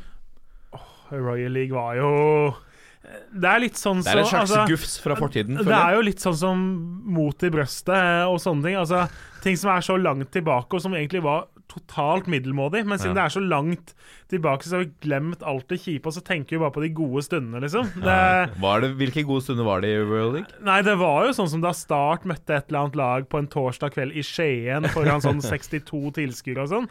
Eh, og kamper som ble nekta å flyttes inn, sånn at de måtte fly rundt i minus eh, Ja, 15 da, grader danskene nekta å spille innendørs, blant annet. Ja, de skulle ikke spille inne i Valhall, de skulle spille på Ullevål, som da var betong og sånn. Ja, Altså, og det ble jo flytta kamper til Tønsberg og Skien, ja. ja. det var helt uh... det var, mange, det var mange byer som ikke ellers hadde internasjonale turneringer, som fikk det noen vintre. Ja, og det, og det skulle jo legges Det er litt kult, da. Ja, da ja, ja, sånn sett så hyller jeg det. ja, da. Få det på. Men så Royal League i skulle, skulle det legges opp som en europacupkamp, så det skulle ja. være liksom pressekonferanse etter kampen og sånn, så var det ikke én journalist der, ikke sant. Det var kanskje en stakkars klubbjournalist eller noe sånt som satt der og Ja, ikke sant. Ja, det var Det, var, det Ja, var det ikke noe hymne og sånn? Ja, det det. Det, det hadde sin sjarm, og det var noen morsomme kamper i Royal League.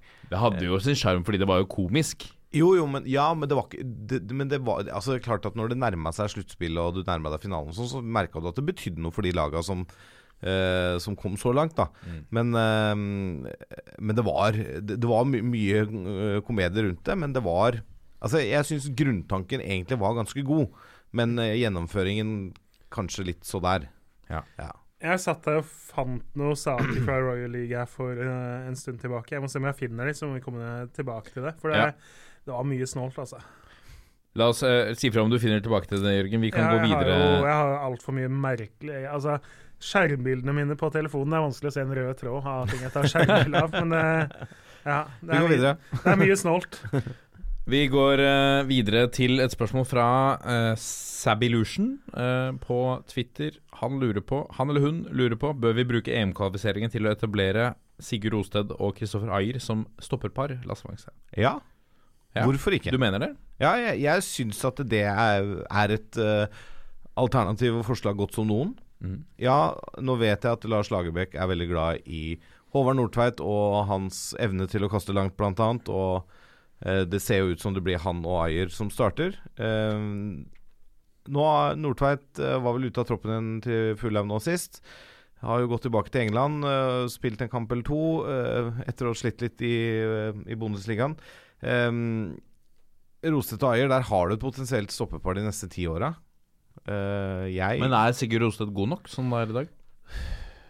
Jeg syns ikke han var uh, rock solid i forrige landskamp. Han, eh, Nei. hørte jo til og med på mikrofonen som sto nede ved landslagsbenken, at uh, Lars Lagerbäck flere ganger var ganske oppgitt og Ja frustrert over at han Han spiller jo ikke ballen, han bruker for lang tid Ja. å skape Altså, han, har, han har helt sikkert masse å, å, å utvikle seg på, han også. Mm. Uh, men hvis man skal etablere et stoppepar for en uh, overskuelig fremtid, da, måte, så er jo det de to mest naturlige kandidatene akkurat nå. Eh, så får du jo se utover året og de neste årene om det kommer noen andre og banker på døra. Jeg, jeg mener jo helt seriøst at eh, og det har jeg sagt før, at eh, Molde har forsterka seg med å hente Bjørnbakk fra Bodø-Glimt. Jeg mener han er den beste stopperen i, i Molde nå. Vegard Forhen er ikke så langt unna den landslagstroppen her. Kanskje naturlig at Bjørnbakk blir kalt opp etter hvert. Og da kan det jo hende at det blir en helt annen konstellasjon. Men av de vi har tilgjengelig i troppen nå, så hadde jeg personlig gjerne sett Rostedt Ayer som stoppepar. Uh, selv om jeg tror uh, Lagerbäck velger uh, erfaring til Nordtveit eh, nede på Messiah der.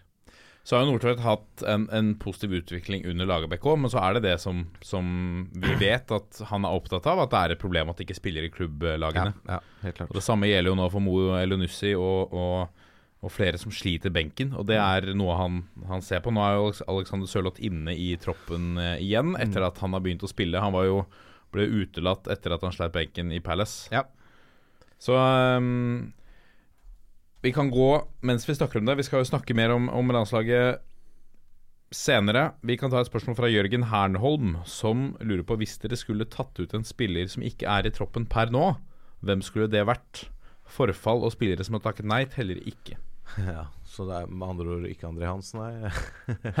nei Det er jo et eh, kjedelig tak til en- en tredje det er keeper. kje- Kjempekjedelig, selvfølgelig. Nei, hvem skulle det vært, da? Eh, Kristoffer Zakariassen er vel Ja, eh, han- fortsatt det han- navnet. Han bør vel jeg. være i nærheten, i hvert fall da. Mm. Også fordi at uh, før da Fossum kom inn, så var jo ikke det så mange sentrale midtbanespillere tross alt inni den troppen. Eh, og da har man på en måte noen muligheter til å tenke litt forskjellige alternativer, spesielt mot Spania. da. Mm.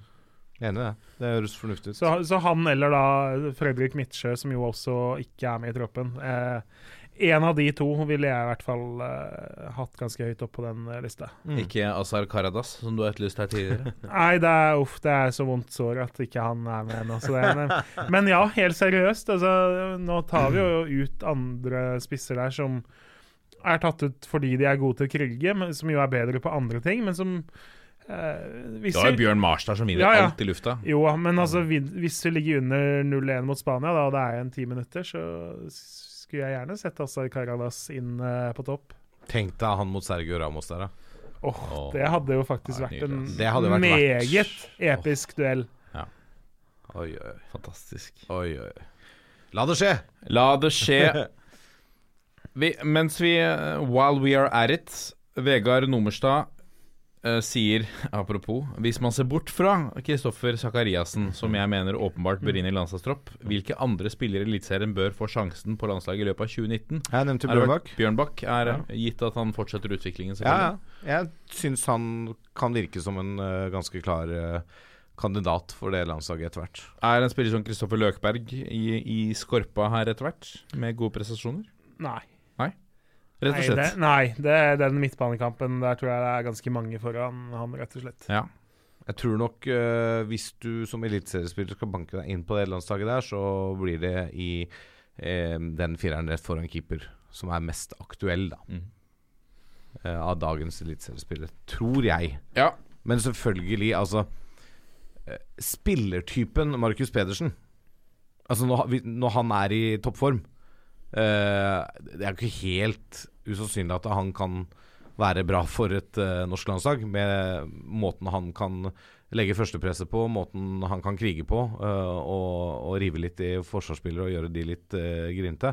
Men så har jo det igjen vist at Markus Pedersen ikke fungerer sånn kjempegodt med en spissmaker. Han fungerer best i en sånn 4-3-3-4-5-1-variant. Og Lagerbäck vil jo gjerne spille 4-4-2. Det tror jeg da diskvalifiserer han igjen. Så det er, det er litt sånn Men altså, en sånn Markus Pedersen i den formen han eh, tidvis viste i fjor vår, eh, hadde jo kunne vært en ganske klar kandidat. Pål André Helland, hvis han finner tilbake til, til den formen han har vist eh, tidligere også, kan jo være et godt kantalternativ, da. Ja. Eh, hvis man skal se litt mer enn bare, bare forsvar. Ja. Mm. Petter Wæland. Um, kjent, uh, kjent mann er jo uh, sikkert litt, uh, enda litt mer opptatt av, av Spania og Norge enn de fleste, med takk på hans ikke bare hans kompetanse, men han er jo også en av gutta i La Liga Loca, den Ja. eminente podkasten for de som er interessert i spansk ball. Mm. Han lurer på hvilket alternativ vil dere valgt på høyrekanten fra start. Der er alternativene som følger. Én, eh, Stefan Johansen. Same procedure, kjente relasjoner. To, Martin Ødegaard. Holde på ballen. Prøve å skape mest mulig offensivt. Eller tre, Martin Linnes. Doble på kant mot venstresiden til Spania med Alba. Eller alternativ fire, en annen. Altså, jeg liker jo alternativ to der, som et utgangspunkt. Ikke nødvendigvis Altså, ikke fordi at det er Martin Ødegaard, men jeg tror hvis eh, Norge skal ha eh, Altså, eh, la oss være, Dette kommer vi tilbake til i preview, men la oss være ærlige. Noe alt annet enn eh, Altså, alt annet enn tap er en bonus. Ikke sant? En uavgjort i Spania er bonus. Såpass ærlig må vi være. Ja. Eh, men å ha en spiller der ute som kan holde litt på kula, så vi får flytta laget etter. Ja. Som kan dra en mann, eller spille igjennom eh, Joshua King eller en annen spiss. Altså Som kan finne de åpningene. Eh, det tror jeg ikke er helt feil medisin, da. Nei. Eh, så jeg personlig ville gått for en sånn Martin Ødegaard-spillertype på, på høyrekanten. Ja, eh, jeg tenkte litt sånn på uten sammenligning for øvrig. Altså Hvis du, Manchester City har gått på noen smeller nå i løpet av sesongen eh, Det er ikke et helt ulikt lag å sammenligne med Spania og den overmakta vi egentlig møter nå til helgen. De lagene Og da hvis du tenker på Norge, hva slags, hvilket Premier League-lag er vi da? Nei, altså nå, Det jeg skal dra fram, er jo f.eks. da Crystal Palace, som jo da eh, nedkjempa City. De gjorde jo ikke det ved å vrake de spillerne som har offensive kvaliteter og evne til å holde på ballen og skape noe én mot én. Eh, de lagene som har gjort det godt mot City i år, av de små lagene, er de som har turt å gå i strupen på dem, være litt offensive, tenke at vi må ha en egen plan også. Ikke bare legge seg bakpå og på en måte ta imot det du får, og eh, ja, kun tenke på det defensive. Så man må jo ha en balanse. Jeg er usikker på om Elionossi og Ødegaard på kantene gir det optimale laget. Eh, men at vi trenger minst én av de typene inne da, for å faktisk kunne skape noe selv, og at det ikke blir 90 minutter med spansk press, det mener jeg vi må ha. Eh, og så er det jo Ja, hvem av dem? Kanskje de to skal spille da eh, og dele den rollen ut fra hvordan Lagerbäck tenker seg at eh, vi skal angripe, da. For sentralt så antar vi at det blir uh, Ole Selnes og Markus Henriksen. Ja, Ja. det er ganske sikkert. Det er, er litt spørsmål om kantplassene, det er litt spørsmål om spissmakeren til Joshua King. Uh, og så er ja, det, altså, det- det blir jo Ayer og Nordtveit i Midtforsvaret. Nå, nå går vi rett inn i previewen her, da, men det er jo kanskje like greit uh, når vi først er i gang. Dette er toppfotball. Vel en liten strekk, da. Keeper langt kommer ute. ut. Ja! Ja! Er beste! Steffen Iversen har skåret! Han har skåret det! er så Oi, oi, oi, for en keepertabbe! Men det glemmer vi! Det gir vi Norge blanke blaffen i. 1-0. Norge leder 1-0 mot Spania! Dette er moro, dere! Den kom ut fra intet! Målskårer er Steffen Iversen! Langt frispark. Sjette mål for Norge! Og Norge leder 1-0! Oi, oi, oi! Så morsomt! Og der er Høy, er like god som farlig i lufta. Det får vi et eksempel på her. Og header inn. Og med det så innleder vi eh, previewen til de to neste landskampene. Altså, eh, for et eventyr eh, det var. Husker dere kampen i EM 2000? Ja, jeg husker jo husker den skåringa hvor uh, Steffen Iversen eh, raga over alt og alle, uh, inkludert keeper der, og hedda han vel inn må jeg må ha vært fra 14-15 meter eller noe sånt. Rett innafor Og det var vel eh, keeper Thomas Myhre som var der sist nå, tror jeg. ja, ja, helt var rett rett fra keeper og på huet til Steffen, og så var det 1-0. Og det blei jo, ble jo vinst, men eh, det holdt jo ikke til avansement, da. Gjorde ikke det. Thomas Myhre for øvrig sto en fabelaktig kamp. Jeg så høydepunktene her. Altså Han eh, så ut som en verdensklassekeeper Ja, i den kampen. Vegg. Uh, mye bedre enn en sin kollega Molina i, i eh, Spanias mål. Men det er ikke enkelt heller å stagge Steffen Iversen, eh, eh, som gikk til værs. Eh, Iversen er jo den eneste landslagsspilleren vi har som har scora mot eh, Spania. Han scora også da vi uh, tapte eh, 2-1 i eh, den første kvalikkampen i 2003. den playoff-kampen der, ja. Det er riktig. Mm. Hvor for øvrig Espen Johnsen sto som en helt helt fantastisk match. Og så uh, husker du der i turoppgjøret på Ullevål? Ja, der var jeg. Da Espen Johnsen ble vel En Skada. Ja, han var skada og burde vel ha blitt bytta ut, men fordi Ja. han var så fantastisk i første kamp, så prøvde man litt til, og så endte han jo opp med å skyte ballen i en spanjol, og så endte med mål. Og Ja. så markerte jo da innbytter Frode Olsen seg kraftig på annet vis eh, i samme kamp.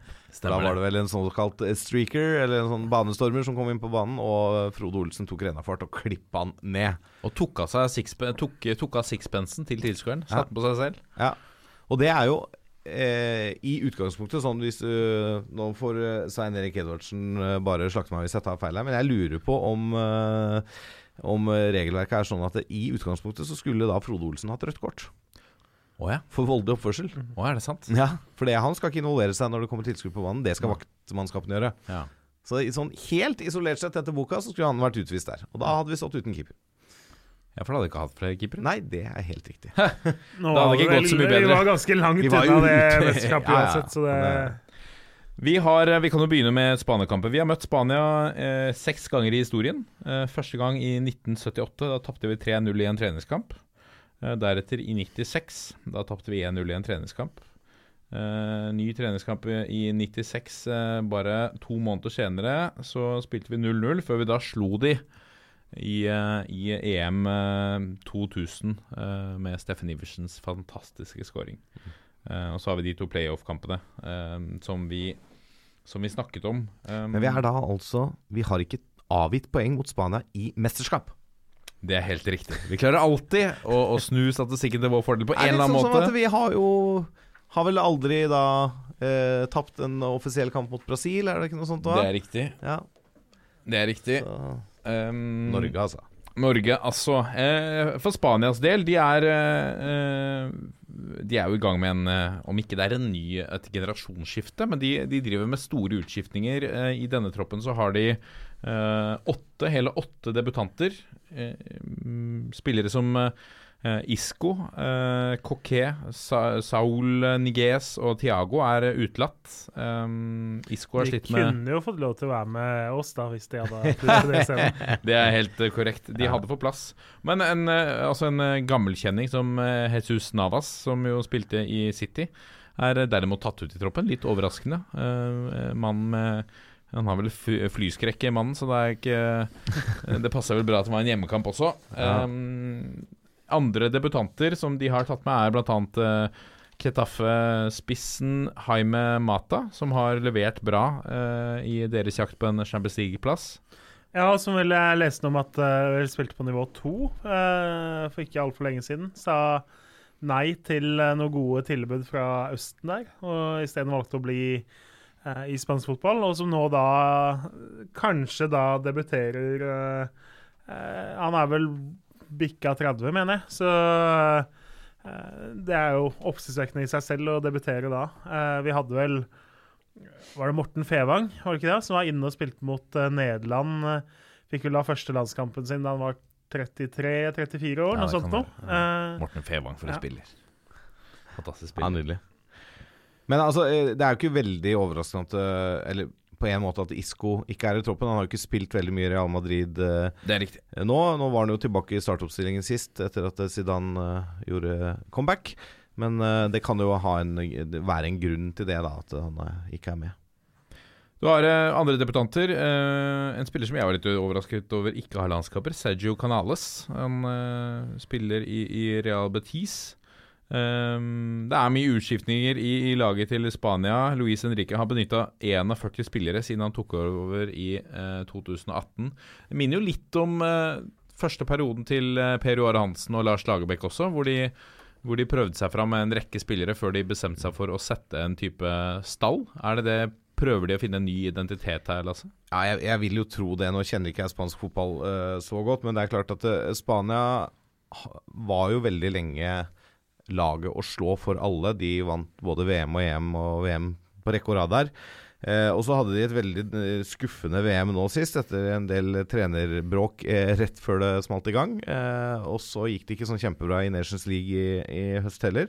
Eh, så jeg vil vel tro at Luis Henrique er litt på utkikk etter å prøve å finne nå en stamme som å bygge på en måte et litt nytt lag, da, på én måte. For det er klart at det er, det er høye krav til et spansk landslag. Um, det er um, Om de ikke slår uh, Norge ganske overbevisende på lørdag, så uh, blir det nok ikke sånn kjempestemning i de store spanske avisene. Men Kan det hjelpe oss litt? Føler de dette presset? Er det en mann som er flink til å utnytte kanskje det forventningspresset, så er det Lars Lagerbäck? Ja, men jeg, jeg Ja, de, altså de, er- det er bare mennesker, det her òg. Selv om du har spillere her som har vunnet Champions League tre år på rad og sånn, så er det klart at de helt sikkert føler på det. Det er noe eget å spille med, med emblemet på drakta for, for hjemnasjonen din, og spesielt kanskje i et land som Spania, som er såpass lidenskapelig opptatt av fotballen. da og som har så mye gode lag både på klubbsiden og hatt så mye gode landslag. Eh, så er klart det å være Å bli huska som en eh, spiller som var med på den store nedturen, det er jo sikkert mange som ikke har lyst til, og det kan jo kanskje tynge noen, da. Så er det sikkert noen her som kunne brydd seg katta om akkurat det presset der.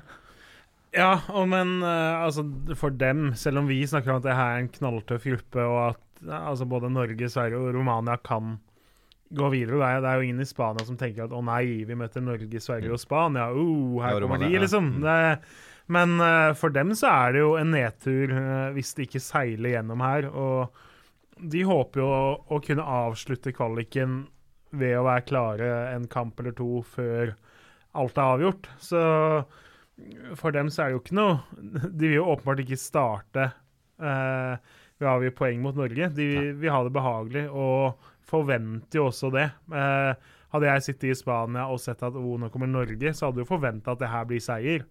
Det er jo som nå, når vi sitter og skal møte Liechtenstein eller et eller annet sånt noe. Eh, da forventer du at eh, vi innleder kvaliken med 3-0 og godt spill og osv. Ja. Ja, det er naturlig nok. Altså Det eneste jeg leste i, eller fant i Marka om, om eh, spanske avisen Marka om, om Norge som motstander, var selvfølgelig Martin Ødegaard. At han er med i troppen. Det var det eneste de fokuserte på. For dem så er jo dette anses det kanskje som en walk in the park. Uh, Spania for den del er jo uh, Hvis vi tar, kjører litt uh, stats De ligger på en niendeplass på Fifa-rankingen, som for dems del er vel nok en, en skuffende plassering. Historisk snitt for spanjolene har vært femteplass. Og så har de jo storhetstiden fra, fra 2008 til 2013, hvor de lå samtlige år på, på førsteplass etter en fantastisk double av både EM og VM der.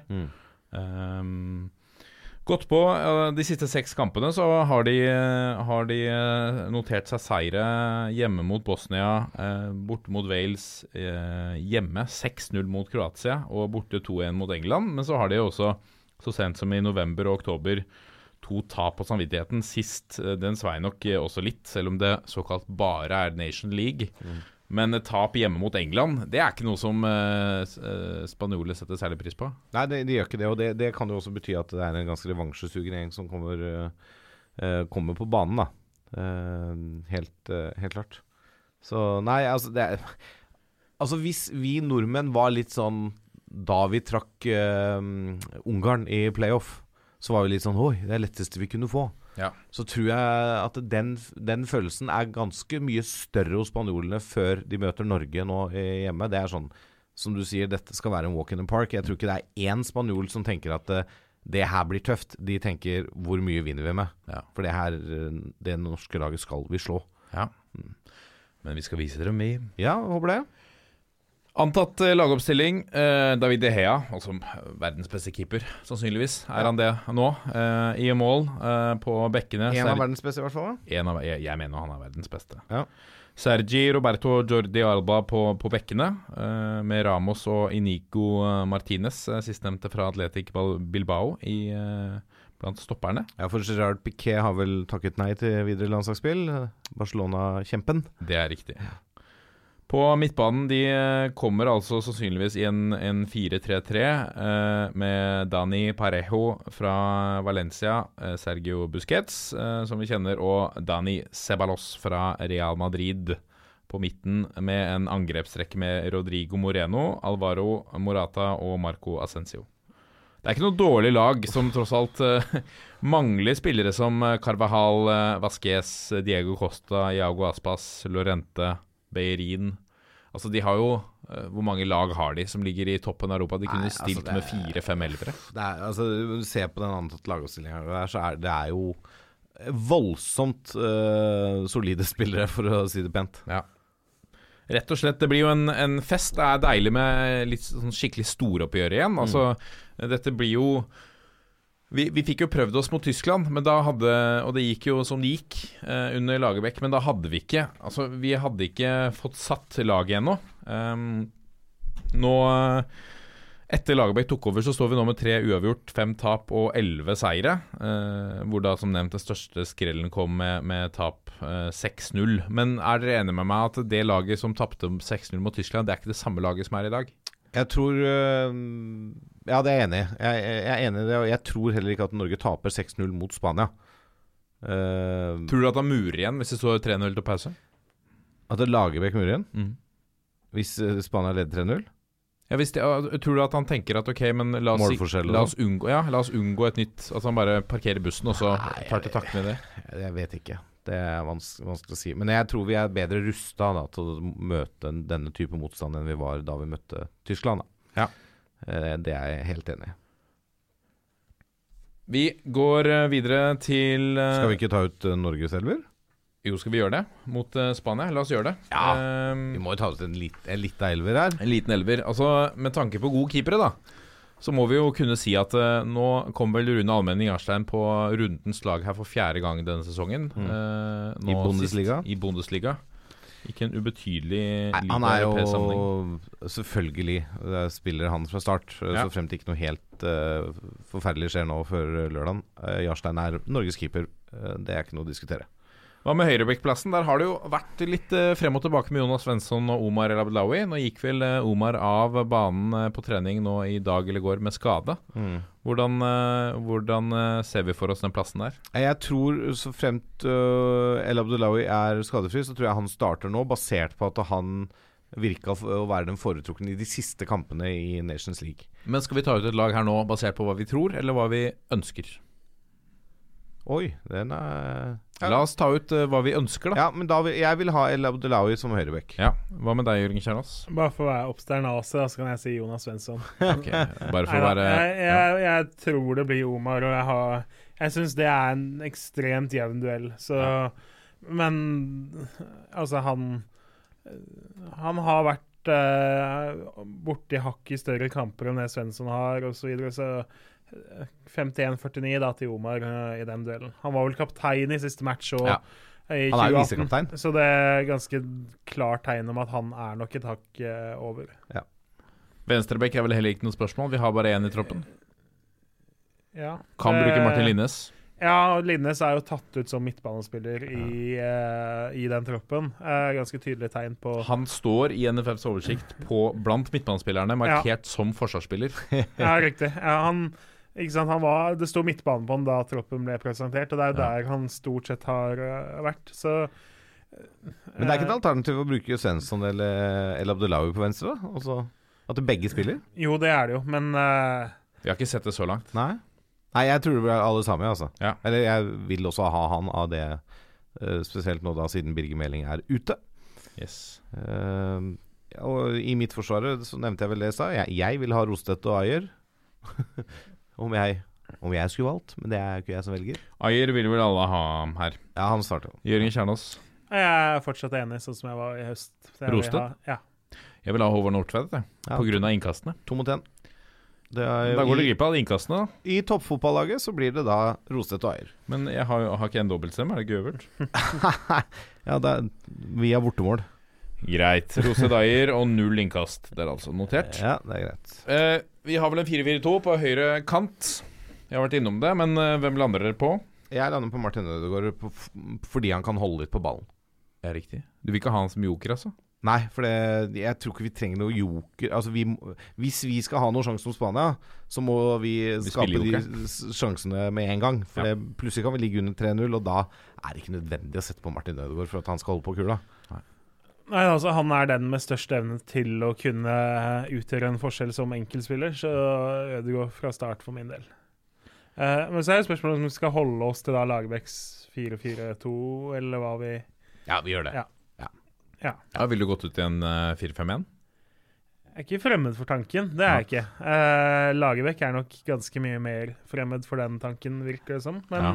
vi får se på lørdag. Men eh, jeg både vil ha og tror det blir Henriksen Selnes på trønder eh, midtbanen. Det er jeg helt enig i. Jeg vil også ha de to, eh, med tanke på hva vi har i tropp. Hva med deg da, Martin? Jeg eh, bifaller Um, hvem vil du ha på venstrekant, da? på venstrekant, hvis jeg får velge. Um, Ja, det får du jo. Det er egentlig det vi sitter og gjør. Så det, Altså det er jo, vi må jo, altså Elionussi, selv om han ikke spiller i Southampton, han har ikke gjort seg bort på landslaget. Han har, eh, han har vært blant våre bedre, Ja. må vi kunne si. Så, så det er dumt av samme årsak. Altså nå, altså, ikke Tariq. Eh, Det er riktig. det er riktig um, Samtidig så er det dette spørsmålet når du har Ødegaard på den ene siden, om du skal ha en litt annen type på den andre siden.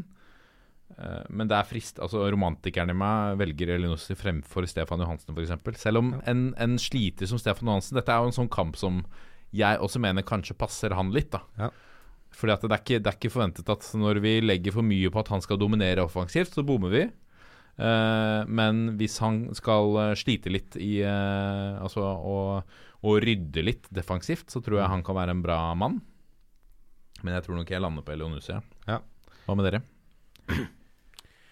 Ja, det er jo denne balansen i laget. Da. Altså, jeg er jo helt enig i at han som spiller er det beste valget. Eh, og han gjør jo for så vidt jobben defensivt, han òg, men det Ja. Jeg, jeg lander òg på han, selv om jeg er usikker på om Mm. Jeg syns balansen med han og Ødegaard på hver sin kant er den optimale, da. Nei, men eh, jeg, jeg er helt enig eh, i de vurderingene. Eh, på topp eh, Sier vel eh, Joshua King, sier seg selv. Ja, han uh, sto vel over trening i dag med litt vondt i nakken, men han blir selvfølgelig klar til lørdag. Så han er åpenbar eh, En liten sånn kortisonsprøyte og så en liten juice, og så er det i gang. Ja, ja. er King, eh, King er spiss, og så er det jo da Skal han ha makker Tariq Elunossi, Bjørn Mars Johnsen, Alexander Sørloth eller Ola Kamara? Uh, jeg tror Eller jeg vil ha, hvis jeg får velge, Mm. Så velger jeg Bjørn Mars Johnsen. Rett og slett pga. duellstyrken. Eh, at han kan gå og krige litt, eh, krige litt med stopperne der. Og, og kanskje gjøre arbeidsbetingelsene til Joshua King litt lettere, så Joshua kan ta noe løp og, og jage litt rundt der på andre baller. Får du ikke mye av den samme duellkraften ved å spille Alexander Sørloth og bedre avslutneregenskaper? Ja, Det vi har sett av Sørloth, eh, bortsett fra et par kamper i Genk nå, men det vi har sett av Sørloth på landslaget de siste årene så Ja, mann uten selvtillit. Ja, så har det vært mann uten selvtillit, og da har jo Bjørn Mars skåra flere mål. Ja, Eh, sånn sett. Eh, han har to, to mål på ti kamper på landslaget. Sørloth har to på 17. Ja. Eh, så ja, jeg velger akkurat nå Mars Johnsen foran, eh, men eh, det, er, det er mitt valg. Det er jo dere skal også få lov å mene noe. Kjernås? Åh, ja, nei. Jeg, jeg syns også hans kvaliteter er de som kanskje passer best inn i den kampen her, da. Og som eh, kan utgjøre en forskjell for oss eh, offensivt. Slå langt, stusse. ja. King i bakrom. Kontring. 1-0. Ja. Parker i bussen, ferdig. Tre Ja, poeng. Da kan du eh, ta um, Er det flagg, i, er det flagg i, på Rådhusplassen og, og Karl Johan og folk kjører opp og ned i gatene? det, er ikke, det er ikke et mesterskap, og det er første kvalikkamp. Det er ikke hest og kjerre og, og Nei, nei, nei. Ja, da har vi, da, da har vi mista det helt, hvis vi Ja, ja, vi har mista det. Nei, altså et, et poeng i uh, Valencia der, det er jo en julegave på forskudd. Ja. uh, Tar vi poengene der, skal jeg pokke meg løpe med et flagg jeg, på Karl Johan. Ja. Vi har vel, altså hvis uh, sånn oddsmarkedet vurderer da, så har vi rundt 5 sjanse for uh, å vinne den kampen her. Og så har vi opp mot 15 sjanse for uh, uavgjort. Så altså én av fem kamper omtrent, litt mindre, uh, så tar vi faktisk poeng her. Eh, men eh, kamper spilles dessverre ikke på papiret, for det, jeg frykter jo at på banen så kan det se ut som vi har langt dårligere sjanse enn det på lørdag. Ja.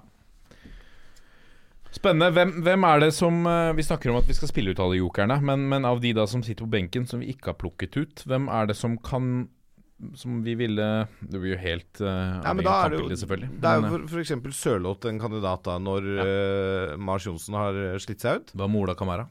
Ja, for all del. Men uh, Sørloth er jo en sånn som kan gå inn og erstatte direkte uh, Mars Johnsen. Og gå inn og krige litt. Og, og, så har jo Sørloth også en del andre kvaliteter som helt sikkert kan være nyttige. Så jeg, jeg tror jo at han står kanskje da hakket foran Kamara igjen i køen. Mm. Uten at jeg vet det, men uh, det er det jeg tenker. Mats Møller Dæhlie er jo en joker-type. Ja. Som du, Og et eh, arbeidsjern. Altså, han Ja da. løper. For all del. Eh, og så har du Tariq Elunussi, som du kan bruke egentlig både på kant og, og helt foran. Ja. Eh, så det er jo liksom også en, et alternativ der. Jeg tror ikke det blir så mye endringer i den bakre femmeren, da, for å si det sånn. Nei. Eh, og så Ja, det er vanskelig å si om eh, midtbaneduoen står hele kampen, men da har du Stefan Johansen eventuelt, da, hvis vi får velge, som kanskje kan komme inn og gjøre en jobb på slutten av nå. Ja. Hjelpe til å krige litt på slutten hvis vi skulle ha et resultat. Vi går videre til kamp mot Sverige. Det er jo litt uh, vanskelig å gi en preview på en match. Eh, vi, ideelt sett så skulle vi hatt litt svar fra Spania-kampen uh, før det. Men la oss gi det et forsøk uh, likevel. Tirsdag 26.3 på Ullevål stadion kommer altså Sverige på besøk. For 107. gang møter vi svenskene. De har et uh, historisk eh, tak på oss. De har eh, vunnet 59 ganger. Vi har vunnet eh, 24, og like mange har endt uavgjort, altså 24.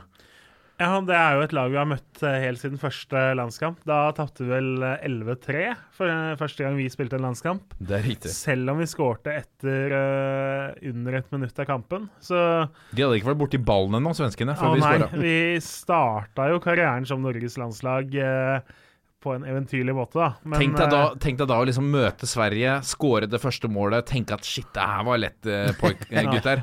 Og så ryker du på 11 i 11-3. Oh, Ja, ja. Den er tung. ja. Jeg lurer på hva overskriftene på nettet var da, si. Men, eh, ja. Nei, men det Sverige, da. Sverige starter mot Romania hjemme. Romania er også skadeprega, sånn som Sverige. Eh, veldig mye tyder på at Sverige har flere poeng enn oss før den kampen.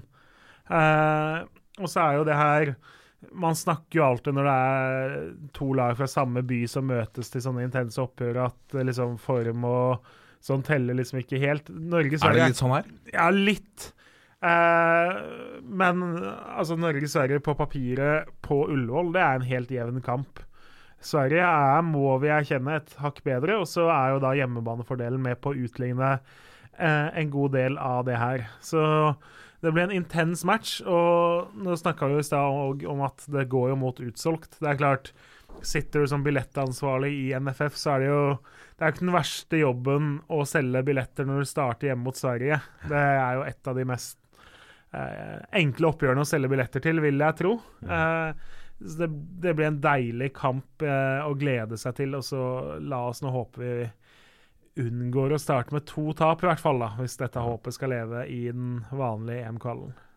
Det er lenge siden eh, altså, eh, Selv om statistikkene går eh, i Sveriges eh, favør, så er, er det lenge siden vi møtte de i en såkalt tellende obligatorisk landskamp. Vi må helt tilbake til 1977 i VM-kvalik på hjemmebane. Da vant vi 2-1.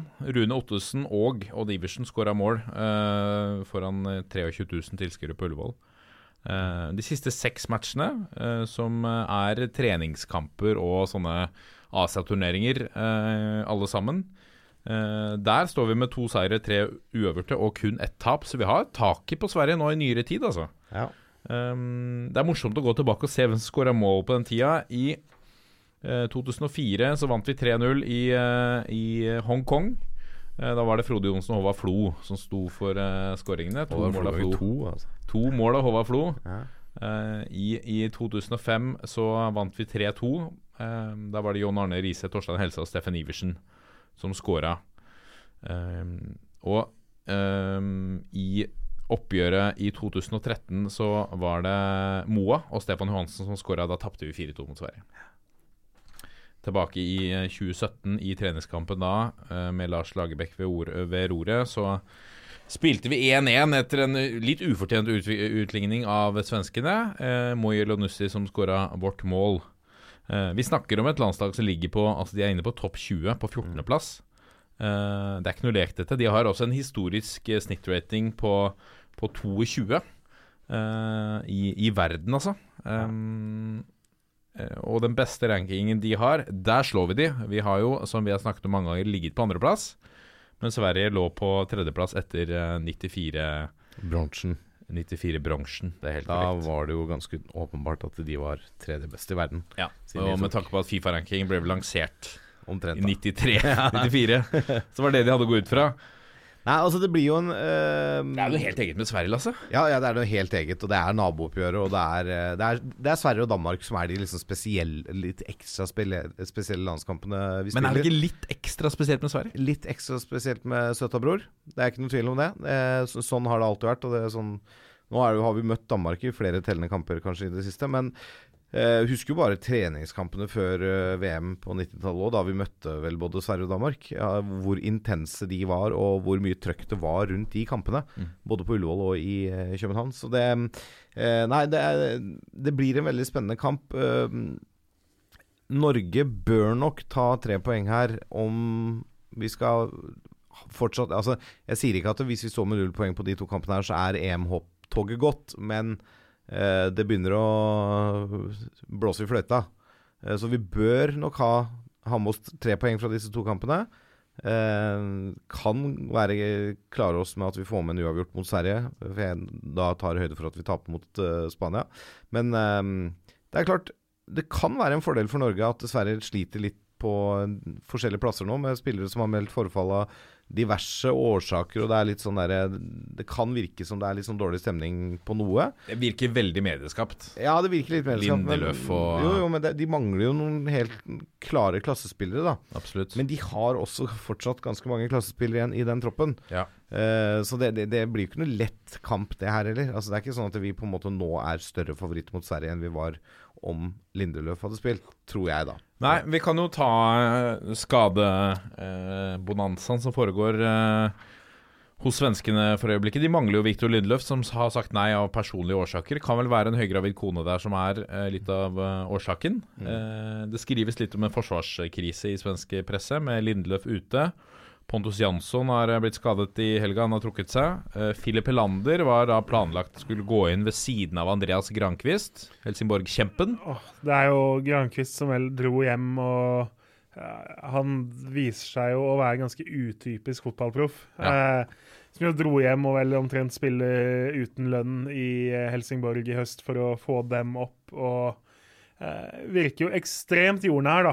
Det er i hvert fall inntrykket man sitter av. Så Og litt sånn helt for svenskene. ja, og det er klart det, det er, Man skal jo per def ikke like svenske fotballspillere en liten uke før landskamp mot dem, men akkurat Grankvist er en ganske nydelig fotballspiller og fyr, så eh, ja.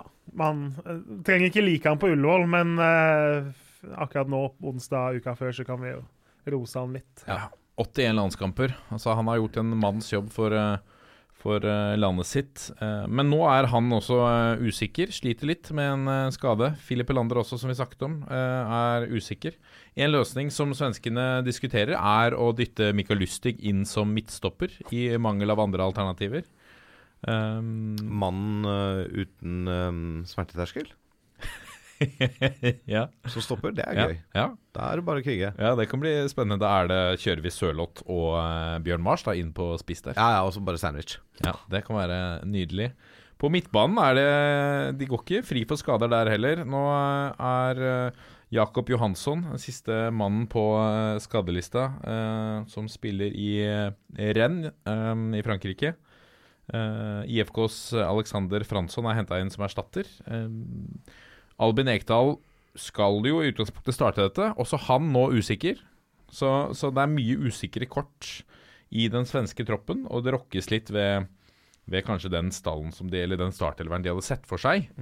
Um, de har et spisspar som synes uh, klart, i Markus Berg og Viktor uh, Claesson, som har fungert godt i, i Nations League.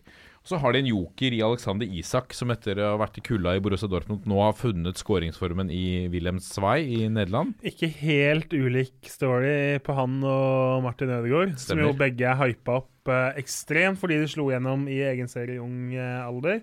Ja. Gikk til storklubb, eh, fant at det var langt dit, og som da forsøker å finne seg sjæl i nederlandsk fotball. Så har de, eh, altså ikke hissigpropper, men de har eh, sånn eh, aggressive klubbspillere som Jimmy Durmas, som spiller i Toulouse, som kan være en type å sette inn på på midtbanen, en, en terrier for, for svenskene. Så de har jo noen kort å spille på her, da, og ikke minst Emil Forsberg, som er Altså deres nummer ti, eleganten. Han er jo klar å, å eh, starte for svenskene. Eh, ellers er det vanskelig å spå. Det som er vel klart, er at eh, Markus Berg og, og Claesson spiller på topp. Og, og Lystig og Augens, eh, Aug, Augustinsson uh, bekler uh, muligens bekkene. Og Ja, Robin de er i hvert fall i Forsvaret. Det er i forsvar. Og Robin Olsen Robin Olsen på keeperplass. Ja. Som jo blei presentert på en ganske nydelig måte da Roma signerte han i høst. Stemmer det. Roma kjørte en sånn uh, Ikea-forklaringsmanual Ja. på Robin Olsson da de henta han. Jeg blir så glad når jeg Eh, ser sånne ting. Altså. Han er Roma på uh, Twitter, det må man følge. Ja, det er, det er høy klasse. de er faktisk skyhøy klasse, så har vel ikke burvokteren vært av like høy klasse i høst og vår som det eh, Forklaringa vår jeg fant frem her nå, det er jo da ja, Olsson, og så står det en sånn Ikea-forklaringsmann og viser at du trenger én keeper, én keeperdrakt, to hansker og to fotballsko, og så står det Roma istedenfor uh, Ikea, da. Så det ja, Nydelig humor, syns jeg. da Ja, veldig bra. Veldig bra. Apropos, jeg må bare få lov mm, Apropos høy klasse. Ja. Eh, Den norske fotballsesongen skulle jo egentlig starte til helgen. Vi hadde jo en liten preview på mesterfinalen. Eh, Der er det bare å anbefale den eh, fantastiske podkasten B-laget med Marius Skjelbæk, Jesper Mathisen og Simen Stamse Bøller, hvor eh, nevnte Skjelbæk har altså en rant ut av en annen verden om denne mesterfinalen som ikke ble avholdt. Satire på høyt nivå. Ja, det er det. Det er det. Jeg synes, det er bare å anbefale for alle lyttere der ute å vippe innom og høre på Skjelbæks eh, tanker om mesterfinalen. Det var vakkert. Ja, Eh, vakkert. Det ble avlyst nå for andre gang eh, på rad i eh, deres eh, mesterfinalens to år lange historie. Det er ikke en lang og stolt historie, denne mesterfinalen. Det kan vi jo slå fast. Ja, det er greit å si. Nå er det Nå er det dags, altså. Nå trodde jeg du skulle si nå er det helg. Det var litt ille. Nei, det er ikke helg, men uh, kjenner, snart så begynner jeg å kjenne det. Nå er det, det er viktige kamper igjen mot sånne store nasjoner. Uh, det, bobler, det bobler litt i kroppen. Mm. Uh, og, det, og det er litt sånn altså, Vi er litt sånn vikinger. Vi skal ut og på en måte plyndre. For vi, hvis vi tar et poeng eller en seier i Spania, så plyndrer vi de jo. Det er jo akkurat det vi holder på med. Ja. De blir jo rana. Og så må vi vel kanskje si at neste, neste sending, Ja. Den er om en uke. Yes. Da er det bare noen dager igjen til Eliteserien starter. Å, det er magisk.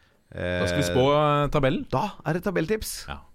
Så folk må gjerne komme med sine tabelltips til oss. Ja, veldig gjerne. Vi har jo spådd uh, Obos-ligaen takket være Amund eh, Lutnes og, Mm. og, eh, og Roger Risholt her i forrige uke. Vi må vel eh, komme med noe eh, preview til eh, både PostNord og tredjevisjon, Kjernås? Ja, men da har vi to uker til på oss, Ikke sant? så det kommer jo da senere. Men det, noen av oss bruker noen minutter om dagen på å prøve å sette opp lag i riktig rekkefølge, så det kan bekreftes. Men jeg kan vel si at det kan hende det blir en del fokus på eliteseriestart neste uke, da, siden gjør det. vi både skal, skal vel ha en preview på noen kamper og tippe tabellen. Absolutt. Herregud, jeg gleder meg. Ja, det, blir, det, er, det er deilig. Altså, jeg, jeg evner jo ikke sånn bursdager og jul og sånn. Jeg er såpass sær at uh, jeg klarer liksom ikke glede meg til det sånn på ordentlig måte. Men akkurat eh, seriestart, det er, da skjønner jeg Da har jeg litt av den filmen jeg hadde om julaften da man var liten, på en måte. Ja, Når Nybergsund eh, sparker i gang sesongen, da er det julaften Ja, nei, men så er det jo noen da som har initiert en livepodkast samme dag som første tredjevisjonskamper. Ja, Eh, Jeg mener jeg så noe om at inngang der i Fredrikstad 11. april var klok fra klokka syv. jeg. Eh, Det er riktig. det er nøyaktig samme sekund som eh, årets tredjevisjonssesong sparkes i gang. Så Ja, du, har- du har jo mulighet til å se dette på mobilen din. jeg er litt scenen. usikker på hvor eh, god stemning det er å sitte og se Viking 2 mot Vardeneset eh, mens vi liksom har Høgmo og Kvisvik der, men eh, De er sikkert interessert i det. jeg regner med de forstår. Kvisvik skal jo i gang med fjerdedivisjonssesongen, han også, i Å, hva heter klubben hans igjen, da? I, i Fredrikstad. Ja, det, må du, det må du Det lære deg skal til 11. jeg lære meg fram til eh, live. 11. april i Fredrikstad der, altså. 11. april i Fredrikstad. Gå Gå inn på Facebook og kjøp tickets. I flertall. Tickets i flertall. Mm. Kjøp mange. Kjøp mange. Vi er Toppfotball på Facebook, Twitter og, Instagram. Gå gjerne inn og legge ned rating, så blir vi happy. Og Lasse Wangstein, du vil ha siste ord? Ja, eh, nei, ikke siste ord, jeg må bare si for vi glemte det. Nordlink 86. Koppene var meget godkjent. De Ja. var fantastiske. Høy klasse, høy klasse. Glass også med våre favorittklubber Oh, Nydelig. inn, eh, innbrent i glasset. Ja. Fantastisk. Veldig fine. Ølen smaker svært godt. Øl, kaffe. Alt. Alt smaker godt i de kommer.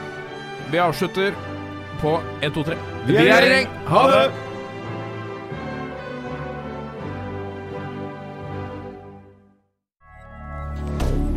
Moderne media.